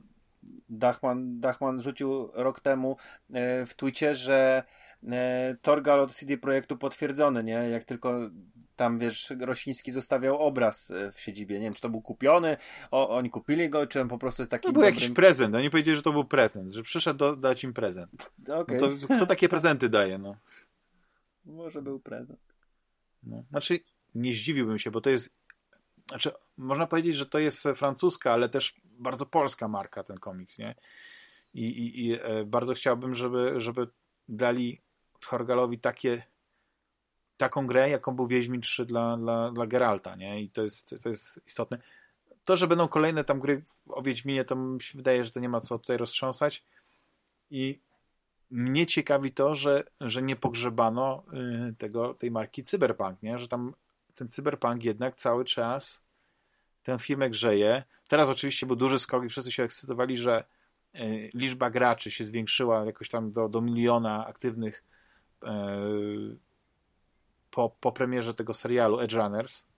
Serial, który ostatecznie nie uznaję za zły, bo końcówka mi się podobała, bo, bo, bo wiecie, nie była taka przesłodzona, a taka trochę melancholijna na, na koniec końców, ja ale takie ogólne zda, tak, ja ogólnie tak, to moje, moje zdanie na temat tego, tego, tego, tego serialu tak utrzymuję, nie? To, że to co mówiłem, że jest taki trochę taki, że za dynamiczny, za bardzo taki mniej że tam się za dużo dzieje, ale też jakoś tak, nie wiem, może to jest pewna cecha te, tego typu e, animacji. No dobra, ale poczekaj, bo coś mówiłeś o tym projekcie i co w końcu, jakie pytanie? Czy tego Torgala zrobią? nie, no chodzi o to, że, że e, czy, czy, czy dziwicie się, że, że CD Projekt po prostu robi nową grę w, w świecie cyberpunka. Oprócz tego, że będzie dodatek DLC, jeden tylko. Nie wiem, czy w ogóle będzie darmowy, bo mi się wydaje, że powinien być darmowy, żeby osłodzić te wszystkie gorzkie żale, ale yy, będzie kolejna gra w świecie cyberpunka. Co to dokładnie, nie wiem.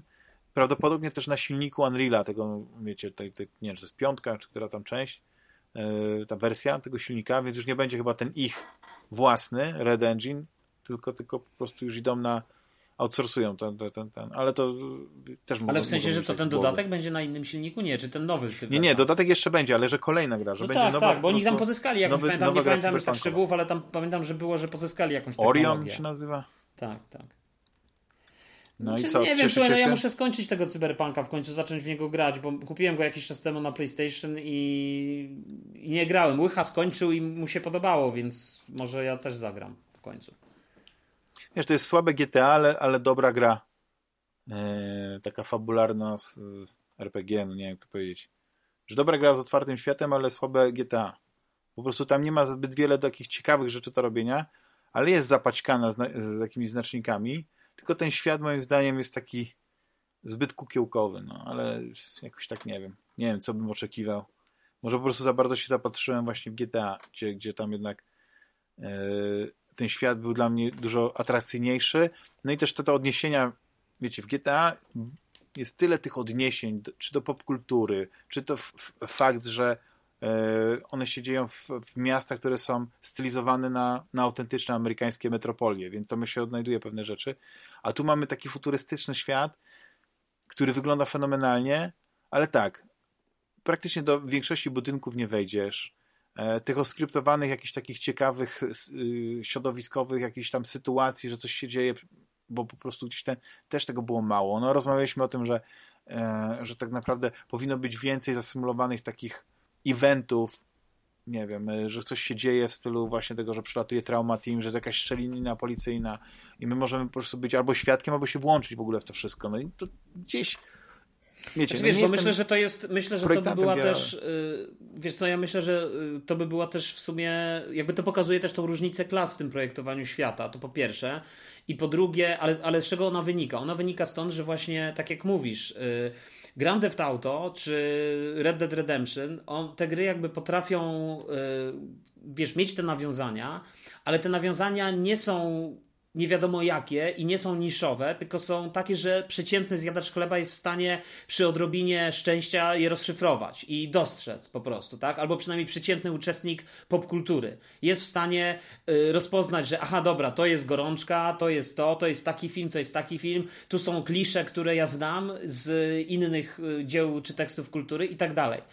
A wydaje mi się, że, yy, znaczy nie wiem, to jest najwyżej mi wyprowadzisz z błędu, ale wydaje mi się, że w przypadku cyberpunku może być tak, że te wszystkie klisze, one są de facto odniesieniami do cyberpunka, do tego wszystkiego, co ty, czyli ja musiałbym najpierw podręcznik do cyberpunka przeczytać albo te wszystkie rzeczy. I to już powoduje, że to jest, jeżeli w ogóle jest, to jest jakieś niszowe. I, i powoduje, że jakby tworzy tą dodatkową jakąś tam barierę. I właśnie, no a przecież to masowy odbiorca się liczy z punktu widzenia sprzedaży, a nie y, ten taki powiedzmy w cudzysłowie niszowy podejrzewam, że wiesz, w przypadku Wiedźmina, yy, on, Wiedźmin trzeci, wiesz, to, to była piękna gra po prostu yy, wizualnie, jak na swoje czasy i, i zdecydowanie wtedy tak naprawdę dopiero Red Dead Redemption 2 chyba ją przykrył, że tak powiem, ale też to nie mhm, było tak. jakieś tam powiedzmy bardzo straszne przykrycie, tak? To w dalszym ciągu jest gra, która świetnie wygląda. E, I, I wydaje mi się, no że i pracują nad nową były... wersją, nad takim next-genowym patchem, więc jeszcze, jeszcze ta gra może pokazać. No, więc, no, więc, no tak, tak, więc, więc znaczy, znaczy ja nie wiem po co jakiś next-genowy patch jeszcze do Wiedźmina, znaczy w ogóle to mi się nie podoba te wszystkie tam wydawanie tych wszystkich tego, jakby eksploatowanie tych samych pomysłów, ale jakby zmierzam do tego, że wiesz, że mm, że ja też pamiętam, że te różne tropy czy odniesienia, które się pojawiały w dialogach, już one były też dla mnie powiedzmy bardziej czytelne. Tak. Yy, no to ciekawe. No. Natomiast jeśli chodzi w ogóle o tego Torgala i tak dalej, to szczerze, znaczy, znaczy nie wiem, czy Cyberpunk jest taki fajny. To znaczy moim zdaniem, znaczy nie wiem, ten, ja uważam, że mimo wszystko w Polsce w dalszym ciągu zbyt łagodnie y, obchodzi się z y, tym kwasem, który no przy okazji Cyberpunka się pojawił. A to wiadomo, tam i to recenzowanie, że mieli wersje pc tak, tak, tak. W co ostatnio graliśmy? I y, Rafale, y, czy, czy grałeś coś ostatnio oprócz tego wspaniałego dema, czy, czy, czy raczej... No miałeś w końcu dwa tygodnie, to, to musiałeś coś pograć, nie jakoś zabijałeś ten czas, nie tylko czytałeś komiksy o Batmanie. Trochę sprawdzałem. Yy, ostatnie, ostatnie, co wpadło w plusa Hot Wheels Unleashed, um, ale o tym chyba przemilczę na razie, bo nie mam nie specjalnie zdania. No nie rzucił. To nie jest też. Yy, trochę mam, ma, moja córka ma problem z, z DualSense'em, jednak tam trzeba dodawać gazu L, e, L2, hamować R2 i to trochę sprawia problem. E, a trzeba hamować, bo już gdyby to była taka prosta wyścigówka, gdzie tylko ścigałka, przepraszam, gdzie tylko wciskamy gaz i zwalniamy, ale tam trzeba trochę wchodzić, jednak driftować w te, w te, na tych zakrętach, e, więc na razie się wstrzymam, bo sam mało grałem. Natomiast wyhaczyłem taką małą gierkę e, w, w, katalogach właśnie tam plusowych. E, the Missing J.J. McField and the Island of Memories. I jest to gra, mm, która e, trochę wpada mi w oko ze względu na tytuł. Sprawdziłem, co to jest, i, i to jest gra mm, tego japońskiego game developera, reżysera Hideka gier. Suehiro. Nie, Sfery. To jest ten, co, co ma na nazwisko Hide... Znaczy imię, Hidetaka e, Suehiro chyba. I, tak. I on robił taką grę, która ma niesławną grę Deadly Premonition i drugą jej część e, Blessing in Disguise.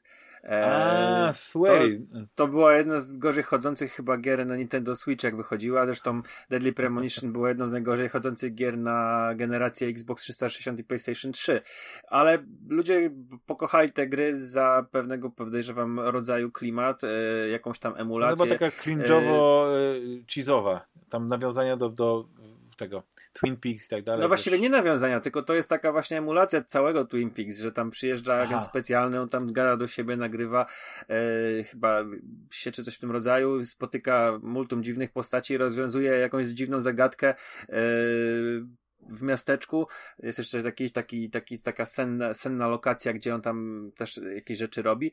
Mm, więc The Missing jest platformówką, ale ona ma taki twist dosyć mocny, który mi się szalenie spodobał. Um, bo jesteśmy, nasza bohaterka um, tytułowa um, J.J. McField e, szuka na, na wyspie swojej przyjaciółki Emily, z którą przypłynęła na tę wysepkę na kemping. E, I JJ zostaje trafiona piorunem i nagle się okazuje, że ona nie może umrzeć.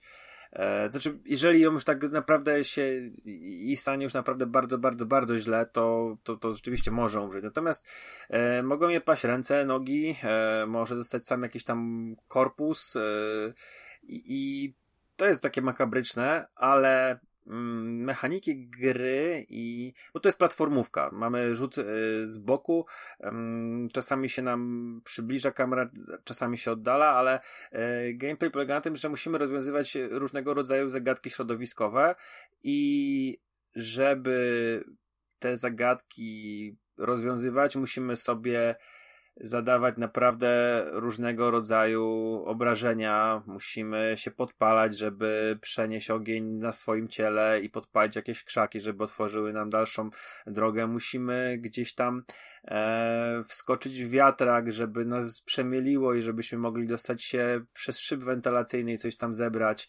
No Także... ma trochę taki vibe Inside, nie wiem czy pamiętasz. E, ja w Inside grę. nie grałem, grałem tylko w Limbo z tych, z tej, z tych dwóch gier.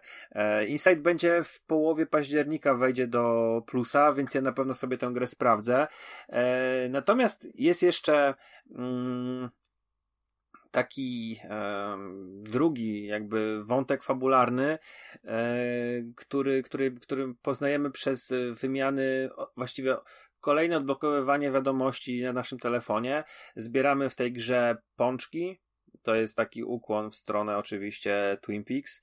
Um, I za każdym razem, jak jakiś tam próg tych, tych zebranych znajdzie, bo to mogą być absolutnie wszystko, te pączki to są, mogą być jak monety, e, tak, jeżeli o, o, zbierzemy odpowiednią ilość, to odblokowują nam się kolejne e, rozmowy z różnymi osobami, które, które gdzieś tam JJ, e, z JJ ma interakcję, czy to jest i nauczyciel, mama, jakiś chłopak, który tam się do niej e, powiedzmy zaleca, e, czy ta właśnie jej przyjaciółka Emily, także tam poznajemy tę historię i ta historia mam wrażenie, że jest też e, w jakiś tam sposób um, bardzo powiązana z tym, co Emily ze sobą robi podczas gameplayu. To znaczy tam są takie jakieś takie dziwne rzeczy wychodzą.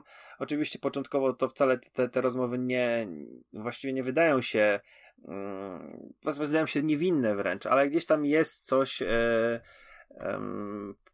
czymś jest to podszyte. I wydaje mi się, że może być to e, z dłuższej perspektywie ciekawa historia. Mm, sama, sam gameplay jest prosty, nie? Jest, ale tak jak powiedziałeś, to może być coś właśnie w rodzaju takiego insight, czy e, jakiegoś innej pro, prostej platformówki. Taka Chociaż te niektóre zagadki są, trochę takim... trzeba pokombinować. Tak, tak, tak. No to jest ciekawe. A to ciekawe, bo to, to nie jest nowa gra. Ona, ma, ona wyszła w 2018 roku. Jeszcze zanim Swery zrobił właśnie Deadly Premonition drugą część, no nie? No. Ale on jakoś tak nie mógł takiego już tego sukcesu, jak wtedy z tą pierwszą częścią Deadly Premonition odnieść, wtedy to był taki cheese'owy y, sukces. Jeszcze dodatkowo mi się wydaje, że y, Giant Bomb oni robili takie, takie długie programy, gdzie po prostu przechodzili całą grę, ale z tym swoim własnym komentarzem i dla mnie to była rewelacja. Ja tak właśnie tę grę poznałem. Oczywiście nie, nie oglądałem wszystkich tych odcinków, ale to było coś takiego, że oni po prostu takim kultem tego Swearego, nie wiem, jak, znaczy, że ten Swery w ich, w ich oczach, w ogóle w tym takim kultem obraz, że oni kiedyś nawet tego Swearego zaprosili do studia, rozmawiali z nim. Jest ciekawe. Coś, coś jeszcze y, ciekawego tam, właśnie jakąś taką perełkę znalazłeś? Może jakiś walking simulator? Bo ostatnio e, to był hit z, tym, z tą Rachel. E, Suicide of Rachel. Nie, nie, nie, nie. Jeszcze, jeszcze po, pomówię. Mm, powiem tak, e, trochę Trochę dzięki Juliuszowi, a właściwie tylko dzięki Juliuszowi, bo to nie trochę, bo ja od niego kupiłem Switcha i za jego namową kupiłem Mario Party to Superstars. Trochę mi się już e, ulewa, bo już 40, 40 rundę z rzędu toczenie śnieżki, to już po prostu dostaje białej gorączki, a moja córka ma teraz naprawdę tak... E, nie, że zmuszam, ale Mario proponuję i tak dosyć nalegam, ale spróbujmy, chodź zagramy w coś innego. Bardzo cię proszę, niech się konsola naładuje, niech się naładuje w spokoju. Pograjmy może w Hot Wheelsy, no nie? Albo po, chodź wrócimy na chwilę do Lego, no nie? Tam yy, może superbohaterów, Lego, Lego Marvel Super Heroes pogramy chwilę. I muszę jej proponować, no, no dobrze, nie? Ale tak naprawdę to ostatnio, yy, zresztą co wam pisałem, gramy tylko Switcha i tylko Mario yy, Party i ona ma swoje ulubione plansze. Już przestaliśmy grać w tą taką planszówkę z losowaniem konkurencji, ale po prostu takiej luźne gry gramy i potrafimy po naprawdę niektóre to katować do, nie będę używał wulgarnych słów, ale do cofki. No, no, no. Także mówię, ja mam e, bardzo mocno zdominowaną, mam ostatni czas właśnie przez Mario Party. E, myślę, że o innych grach porozmawiamy, kiedy gdzie, gdzie się już tam mocniej w nie, w nie zagłębię. E, nadal u mnie na tapecie jest e, Quake. Bardzo, bardzo miło było do tej gry mi wrócić i szalenie się dobrze bawię. E, próbowałem Defloopa, pograłem trochę. E, Final Fantasy XV mam odłożone na jakiś czas, ale mam nadzieję, że do te, tego wrócę. Także oddaję wam głos. Juliuszu, ty w co ostatnio grałeś jakiś tytuł, o którym wcześniej No ja, ja słuchajcie, tak jak powiedziałem na początku, ja no, gram w ten Elysium, te Valkyrie Elysium i zamierzam to skończyć, potem zamierzam grać w Diofield, a potem e, a, a równocześnie na Switchu wracam do Octopatha. No i skończyłem przede wszystkim Triangle Strategy. Tak jak powiedziałem na początku, wyśmienita gra. Po takim rozwleczonym, długim beznadziejnie poprowadzonym chyba, ale właśnie nie wiem, czy beznadziejny, no ale no Martin by to zrobił inaczej.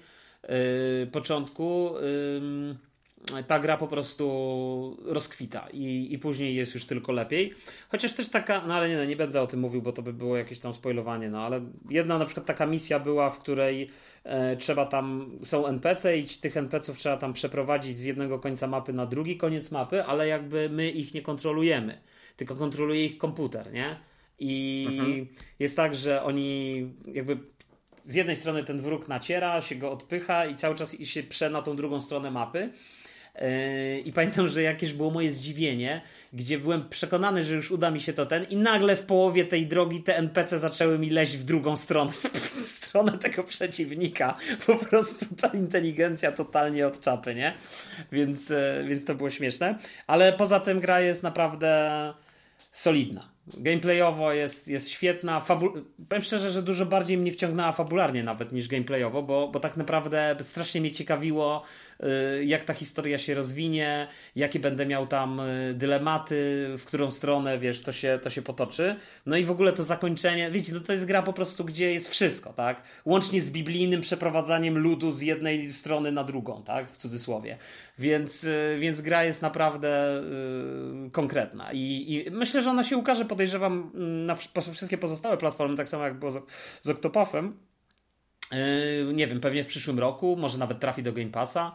W ogóle podejrzewam, że Diofield no, Square Enix chyba wszystko wydaje takie, chyba, że ma jakieś właśnie umowy. Tak, że to podejrzewam, że to jest jakiś czasowy taki ex, wiesz, który wyszedł na, na, na Switcha. No, ta gra też bardzo spe... znaczy mam wrażenie, że ona na PC może dużo lepiej wyglądać, bo, bo mam wrażenie, że ta gra tam jest czterowymiarowa, oczywiście są te sprite, ale mam wrażenie, że, że ten obraz, zwłaszcza w tym trybie przenośnym, no nie jest taki bardzo ostry, no. jest, jest taki, wiesz, taki jakby troszeczkę rozmyty, za bardzo rozmyty i e, na telewizji jest ok, ale, ale w, tym, w tym trybie przenośnym to, jakby to trochę słabiej wygląda, ale nie wiem, czy to jest, bo też nie wydaje mi się, żeby ta gra miała jakieś wielkie wymagania, no ale na pewno ma ale fajnie wygląda, na pewno fajnie wygląda.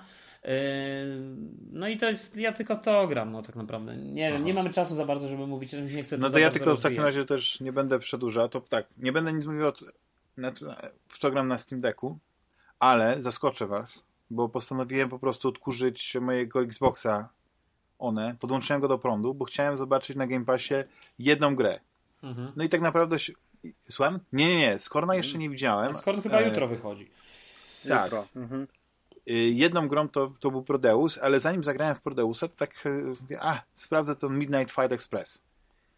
I Midnight Fight Express nie mam tego porównania do tej, do tej oczywiście do Opus Magnus, y, Opus Magnum tego gatunku, do Sifu, ale przyznam, że na początku taka, taka trochę taka walka. To jest trochę inna gra, moim zdaniem. To, nie można tak, to, ale to jest taka typowa gra, gdzie po prostu no stop jakiś dostajesz z kolejnym etapem jakąś dodatkową umiejętność, coś tam się, wiesz, więcej możesz robić, ale wszystko polega na tym, żebyś po prostu umiejętnie kontrował, klepał gości przy takiej mocnej, szybkiej muzyce, wiesz, która cię po prostu tak napędza, wiecie, że jest taka, ten i tyle, nie? I to jest, mamy jakąś historię, którą poznajemy niby w retrospekcji, bo tam jest ten nasz babyface, główny bohater, skuty w samych gaciach, jest przesłuchiwany przez dwóch policjantów i on opowiada od samego początku, jak to się wydarzyło i to przypomina trochę jak nie wiem jak się nazywał ten film e, ostatnio, ale to chyba jakiś był albo koreański, albo ale coś w stylu, wiecie, takiego filmu akcji, w którym wszystko jest kręcone jakby na jednym ujęciu i cały czas jest akcja, nie? Jak on się nazywał? Rafał, ty to powinieneś wiedzieć. Suche gacie nad nie morza. Blisko. Na jednym ujęciu ale to wiesz co, był taki film nie koreański, Na Netflixie tylko... chyba był. Na Netflixie? Kurczę, że też nie pamiętam, no, ale generalnie chodziło o to, że koleś po prostu do, e, nagle, wiesz, jakby dostał e, informację, że coś musi zrobić, nie wiedział w ogóle chyba, nie wiem, czy albo stracił pamięć i cały ten film to jest praktycznie niekończąca się mućka. Nie, nie, niekończąca nie, nie. się nawalanka. Tak, wiesz tak, co? z takimi chwilami przerwy, ale przez to, że to jest wszystko, y, wiesz, w takim jednym ujęciu i w cudzysłowie, w czasie rzeczywistym, to tych chwil oddechu jest mało. I to, że ja nie pamiętam tego filmu, to jest w ogóle jakaś... E, znaczy nie, no to kwestia tego, że po prostu może nie było nic takiego ciekawego, no nie, żeby pamiętać, ale... E... Oj, nie, No dobrze, no ale jak, jak ten, jak ten, to, to nieważne, no i ten że to jest Fight Express film, to jest taki no. film, że po prostu się klepiesz, to są takie te, tylko że po prostu, no nie masz tego wrażenia, że wszystko jest jednym ciągiem, no bo po każdym poziomie jesteś w tym swoim takim yy, miejscu odpoczynku, który jest tak umownie pokazany, ale po prostu tam możesz wydawać te punkty, tą kasę, czy tam jakieś inne rzeczy, które zdobyłeś, nie? I zmieniać sobie stroje, dokupywać ciosy specjalne, masz drzewko umiejętności. Wiesz, taka dosyć fajna, prosta gra. Ale drugą grą, w którą yy, yy, chciałem zagrać, bo byłem właśnie ciekawy jej, wszyscy się ekscytowali, że to jest taki super boomer shooter, to jest ten Prodeus. Nie wiem jak to, czy Produs? Nie. Nie wiem, co to jest. Nie wiem jak wy, wy tu, to jest strzelanka z pierwszej osoby zrobiona w klimacie właśnie tych klasycznych shooterów z lat 90. Coś między Doomem a Quake'iem, a trochę z estetyką, jakby ta gra miała wyjść tak naprawdę na Amigę, kiedy tam, wiesz, naprawdę tych kolorów było dużo mniej, bo to jest, ona jest strasznie gora. Możesz sobie w ustawieniach zmieniać na przykład to, że masz niską rozdzielczość, dużą pikselozę, dużą pikselozę i na przykład yy, obiekty, no nie, przeciwników jako duszki lub jako obiekty trójwymiarowe, nie? Wiadomo, że jak są jako duszki, no to wyglądają trochę jak, jak w Duke Nukem 3D, nie? I, I są dosyć płaskie, a jak znowu już mają taki pełny 3D, no to już tak bardziej dynamicznie. I to jest to jest taki właśnie Doom na rysorach, ale nie ma tej takiej mechaniki Duma, że ciągle ci na przykład amunicji brakuje na takiej zasadzie, więc musisz powiedzmy robić jakieś finishery z bliska, nie, jakieś tam wykończenia, zbierać te takie latające orby. Tutaj po prostu masz taką prostą napieprzankę. E, ja pograłem z taką z, z dobrych parę godzin, tam kilka po, poziomów przeszedłem, bo to też z, z każdy etap jak przejdziesz, to później masz taką mapę jak, jak właśnie w tych Mario, nie? Wiecie o co chodzi? Że przechodzisz z, z, z kółeczka do kółeczka po takiej linii, coś się tam rozgałęzia, coś możesz więcej zrobić. ale to jest taki boomer shooter właśnie, jak to w definicji jest, czyli zrobiony jest tak, żebyś grając w niego myślał, że grasz w gry, które, że tak właśnie wyglądały gry e, w latach 90., nie? Też strzelanki. Oczywiście no, to na tutaj e, dużo lepiej się prezentuje, ale też ma jakieś takie mody e, do grafiki, znaczy do, wiesz, nakładki, że ma przeplot, albo możesz zrobić efekt kineskopu i to fajnie wygląda, ale ja zauważyłem jedną rzecz, że jak grałem po prostu na, e, kiedy miałem te duszki, no nie, a nie obiekty, to przez to, że one nie miały pełnej animacji, to ja, mimo że gra oczywiście y, tam jest w tych 60 klatkach, nie wiem, to, to miałem wrażenie, że po prostu jest dużo mniej, nie? że ta animacja to może ma za 30. Po prostu jakoś tak niepłynnie mi to wyglądało, więc sobie przestawiłem, ale no naprawdę jest to ciekawy, ciekawy produkt. Być może nie sięgnąłbym po niego, gdyby nie to, że właśnie jest w Game Passie, nie? Więc, więc jest w bardzo dobrej cenie. Więc to jest ten. Więc jak ktoś ma Game Passa, właśnie też odkurzył tego Xboxa, to jest jakiś taki powód, bo reszta gier po prostu, tak chciałem zajrzeć, wiecie, zobaczyć, co tam jeszcze dali, to naprawdę, to, to większość to, jakby już to zobaczy, to po prostu pęk ze śmiechu, no nie, I, i tyle, no to tam dwie, trzy gry jakieś takie większe, nie wiem, jakiś taki stary Assassin chyba, nie wiem, Odyssey, dorzucone i to wszystko, nie? Więc... Wiesz ja jeszcze jedno, ja na koniec już na słowo mam dwa komentarze, które chciałem powiedzieć, bo zawsze teraz mi się tak przypomniało, jeszcze taki będzie dodatek y, do tego, co mówiliśmy o tym Xboxie i PlayStation, o tych różnych tych, to tylko tak, bo ciągle jest taki wymieniany argument, że Sony sprzedaje te gry po te 300 zł i tak dalej, no ale na Boga, no wszyscy tak sprzedają te gry, jakby różnica jest taka, że po prostu Microsoft wrzuca swoje gry do Game Passa, ale tylko swoje gry do Game Passa, plus oczywiście tam te co ten, ale mówię, mówię teraz, wiesz, jakby Call of Duty tak samo na Xboxa 300 wykosztuje, to nie jest wymysł tego, że, że, że na Sony. To raz, bo to ciągle tak pada, wydaje mi się, że to jest jakiś, nie wiem, totalnie od czapy argument. A druga rzecz chciałem powiedzieć, że powiem wam, że ten Manchester United to jest naprawdę tak, tak żal mi tyłek ściska, jak patrzę, jak oni grają, bo to sobie leci ten mecz i po prostu to jest taki cień drużyny, kurde, no nie mogę tego zrozumieć, no drużyna z mojej młodości, wiesz, i zawsze byłem fanem Manchester United i kurde, normalnie jak patrzę jak oni grają, to po prostu oni nie są w stanie, no, się męczą z jakąś omonią, nie wiem co to w ogóle, skąd ta drużyna, no, no po prostu masakra, no. I tym no, optymistycznym akcentem możemy zakończyć. Nie chcę oglądać smutnej Ligi Mistrzów, czy jakiś Nie, tam, to jest nie UEFA, jakiś... wiesz, ten, ten puchar jakiś. Aha, tam. jakichś tam pięcioligowych e, drużyn e, Ligi Narodów, czy jak to się nazywa chcę sobie po prostu postrzelać do jakichś takich demonicznych, wielkich no. potworków, które eksplodują jak, jak prukawki krwią, posoką i wszystko w jakimś takim bardzo starym interfejsie. Tak, Prodeus jest dla niego. Szczególnie, że to jest ciekawe, bo teraz odczytałem, odczytałem Wikipedię w momencie, jak Juliusz tam zaczął właśnie swoją tyradę o, o, o Manchester United. Umówmy ja się, doczytałem, umówmy się na jedną jest... rzecz, że mhm. jeszcze przed y, Halloween spotkamy się i każdy z nas poleci słuchaczom jakiś horror. Jezu, nie, nie ma sprawy. Ja akurat kończę trylogię Dead Space'a i to jest w ogóle gra... Ale horror gra czy film? Ja bym chciał film, ale możemy obojętnie. Aha, dobra, może być film. Może być film, znaczy, może ja... być gra, może być książka. Dom, który zbudował, dom, który zbudował Jack, zrobił, którego wiecie... dalej nie obejrzeliście. Nie, ja bym bardzo chciał, żebyśmy zrobili właśnie odcinek. Kończymy. Tak, tak, kończymy, kończymy. Odcinek właśnie, żebyśmy opowiadali, co ostatnio oglądaliśmy i jestem bardzo za tym horrorem. To zrobimy horrorowy tak. odcinek jeszcze w październiku. Dobra. Niech Dokładnie, będzie. super. Dzięki Rafał, dzięki się, Juliusz. Dzięki. Uwielbiam, uwielbiam was, uwielbiam was. No, uwielbiam z wami ja dyskutować. Myślę. Cieszę się, że, że te emocje, które tutaj są, to są prawdziwe emocje. My tutaj e, w, w, paru miejscach się rypnąłem ze, ze scenariuszem, no nie? Tamten, ale, ale tak to było ok. Z jakim Mariuszem? Więc było. Z Mariuszem, ze scenariuszem. Ze scenariuszem.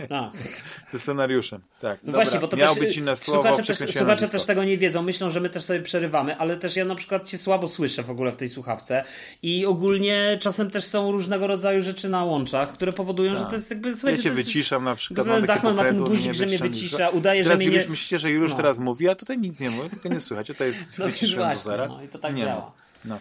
Dzięki jeszcze raz chłopaki, dzięki Rafał, dzięki już, dzięki wszystkim dzięki naszym słuchaczom. Pamiętajcie, żeby klikać, lubię, e, subskrybować. I co, słyszymy się za tydzień. Odcinek specjalny o horrorach. Tada. No, trzymajcie się na razie. Cześć, pa.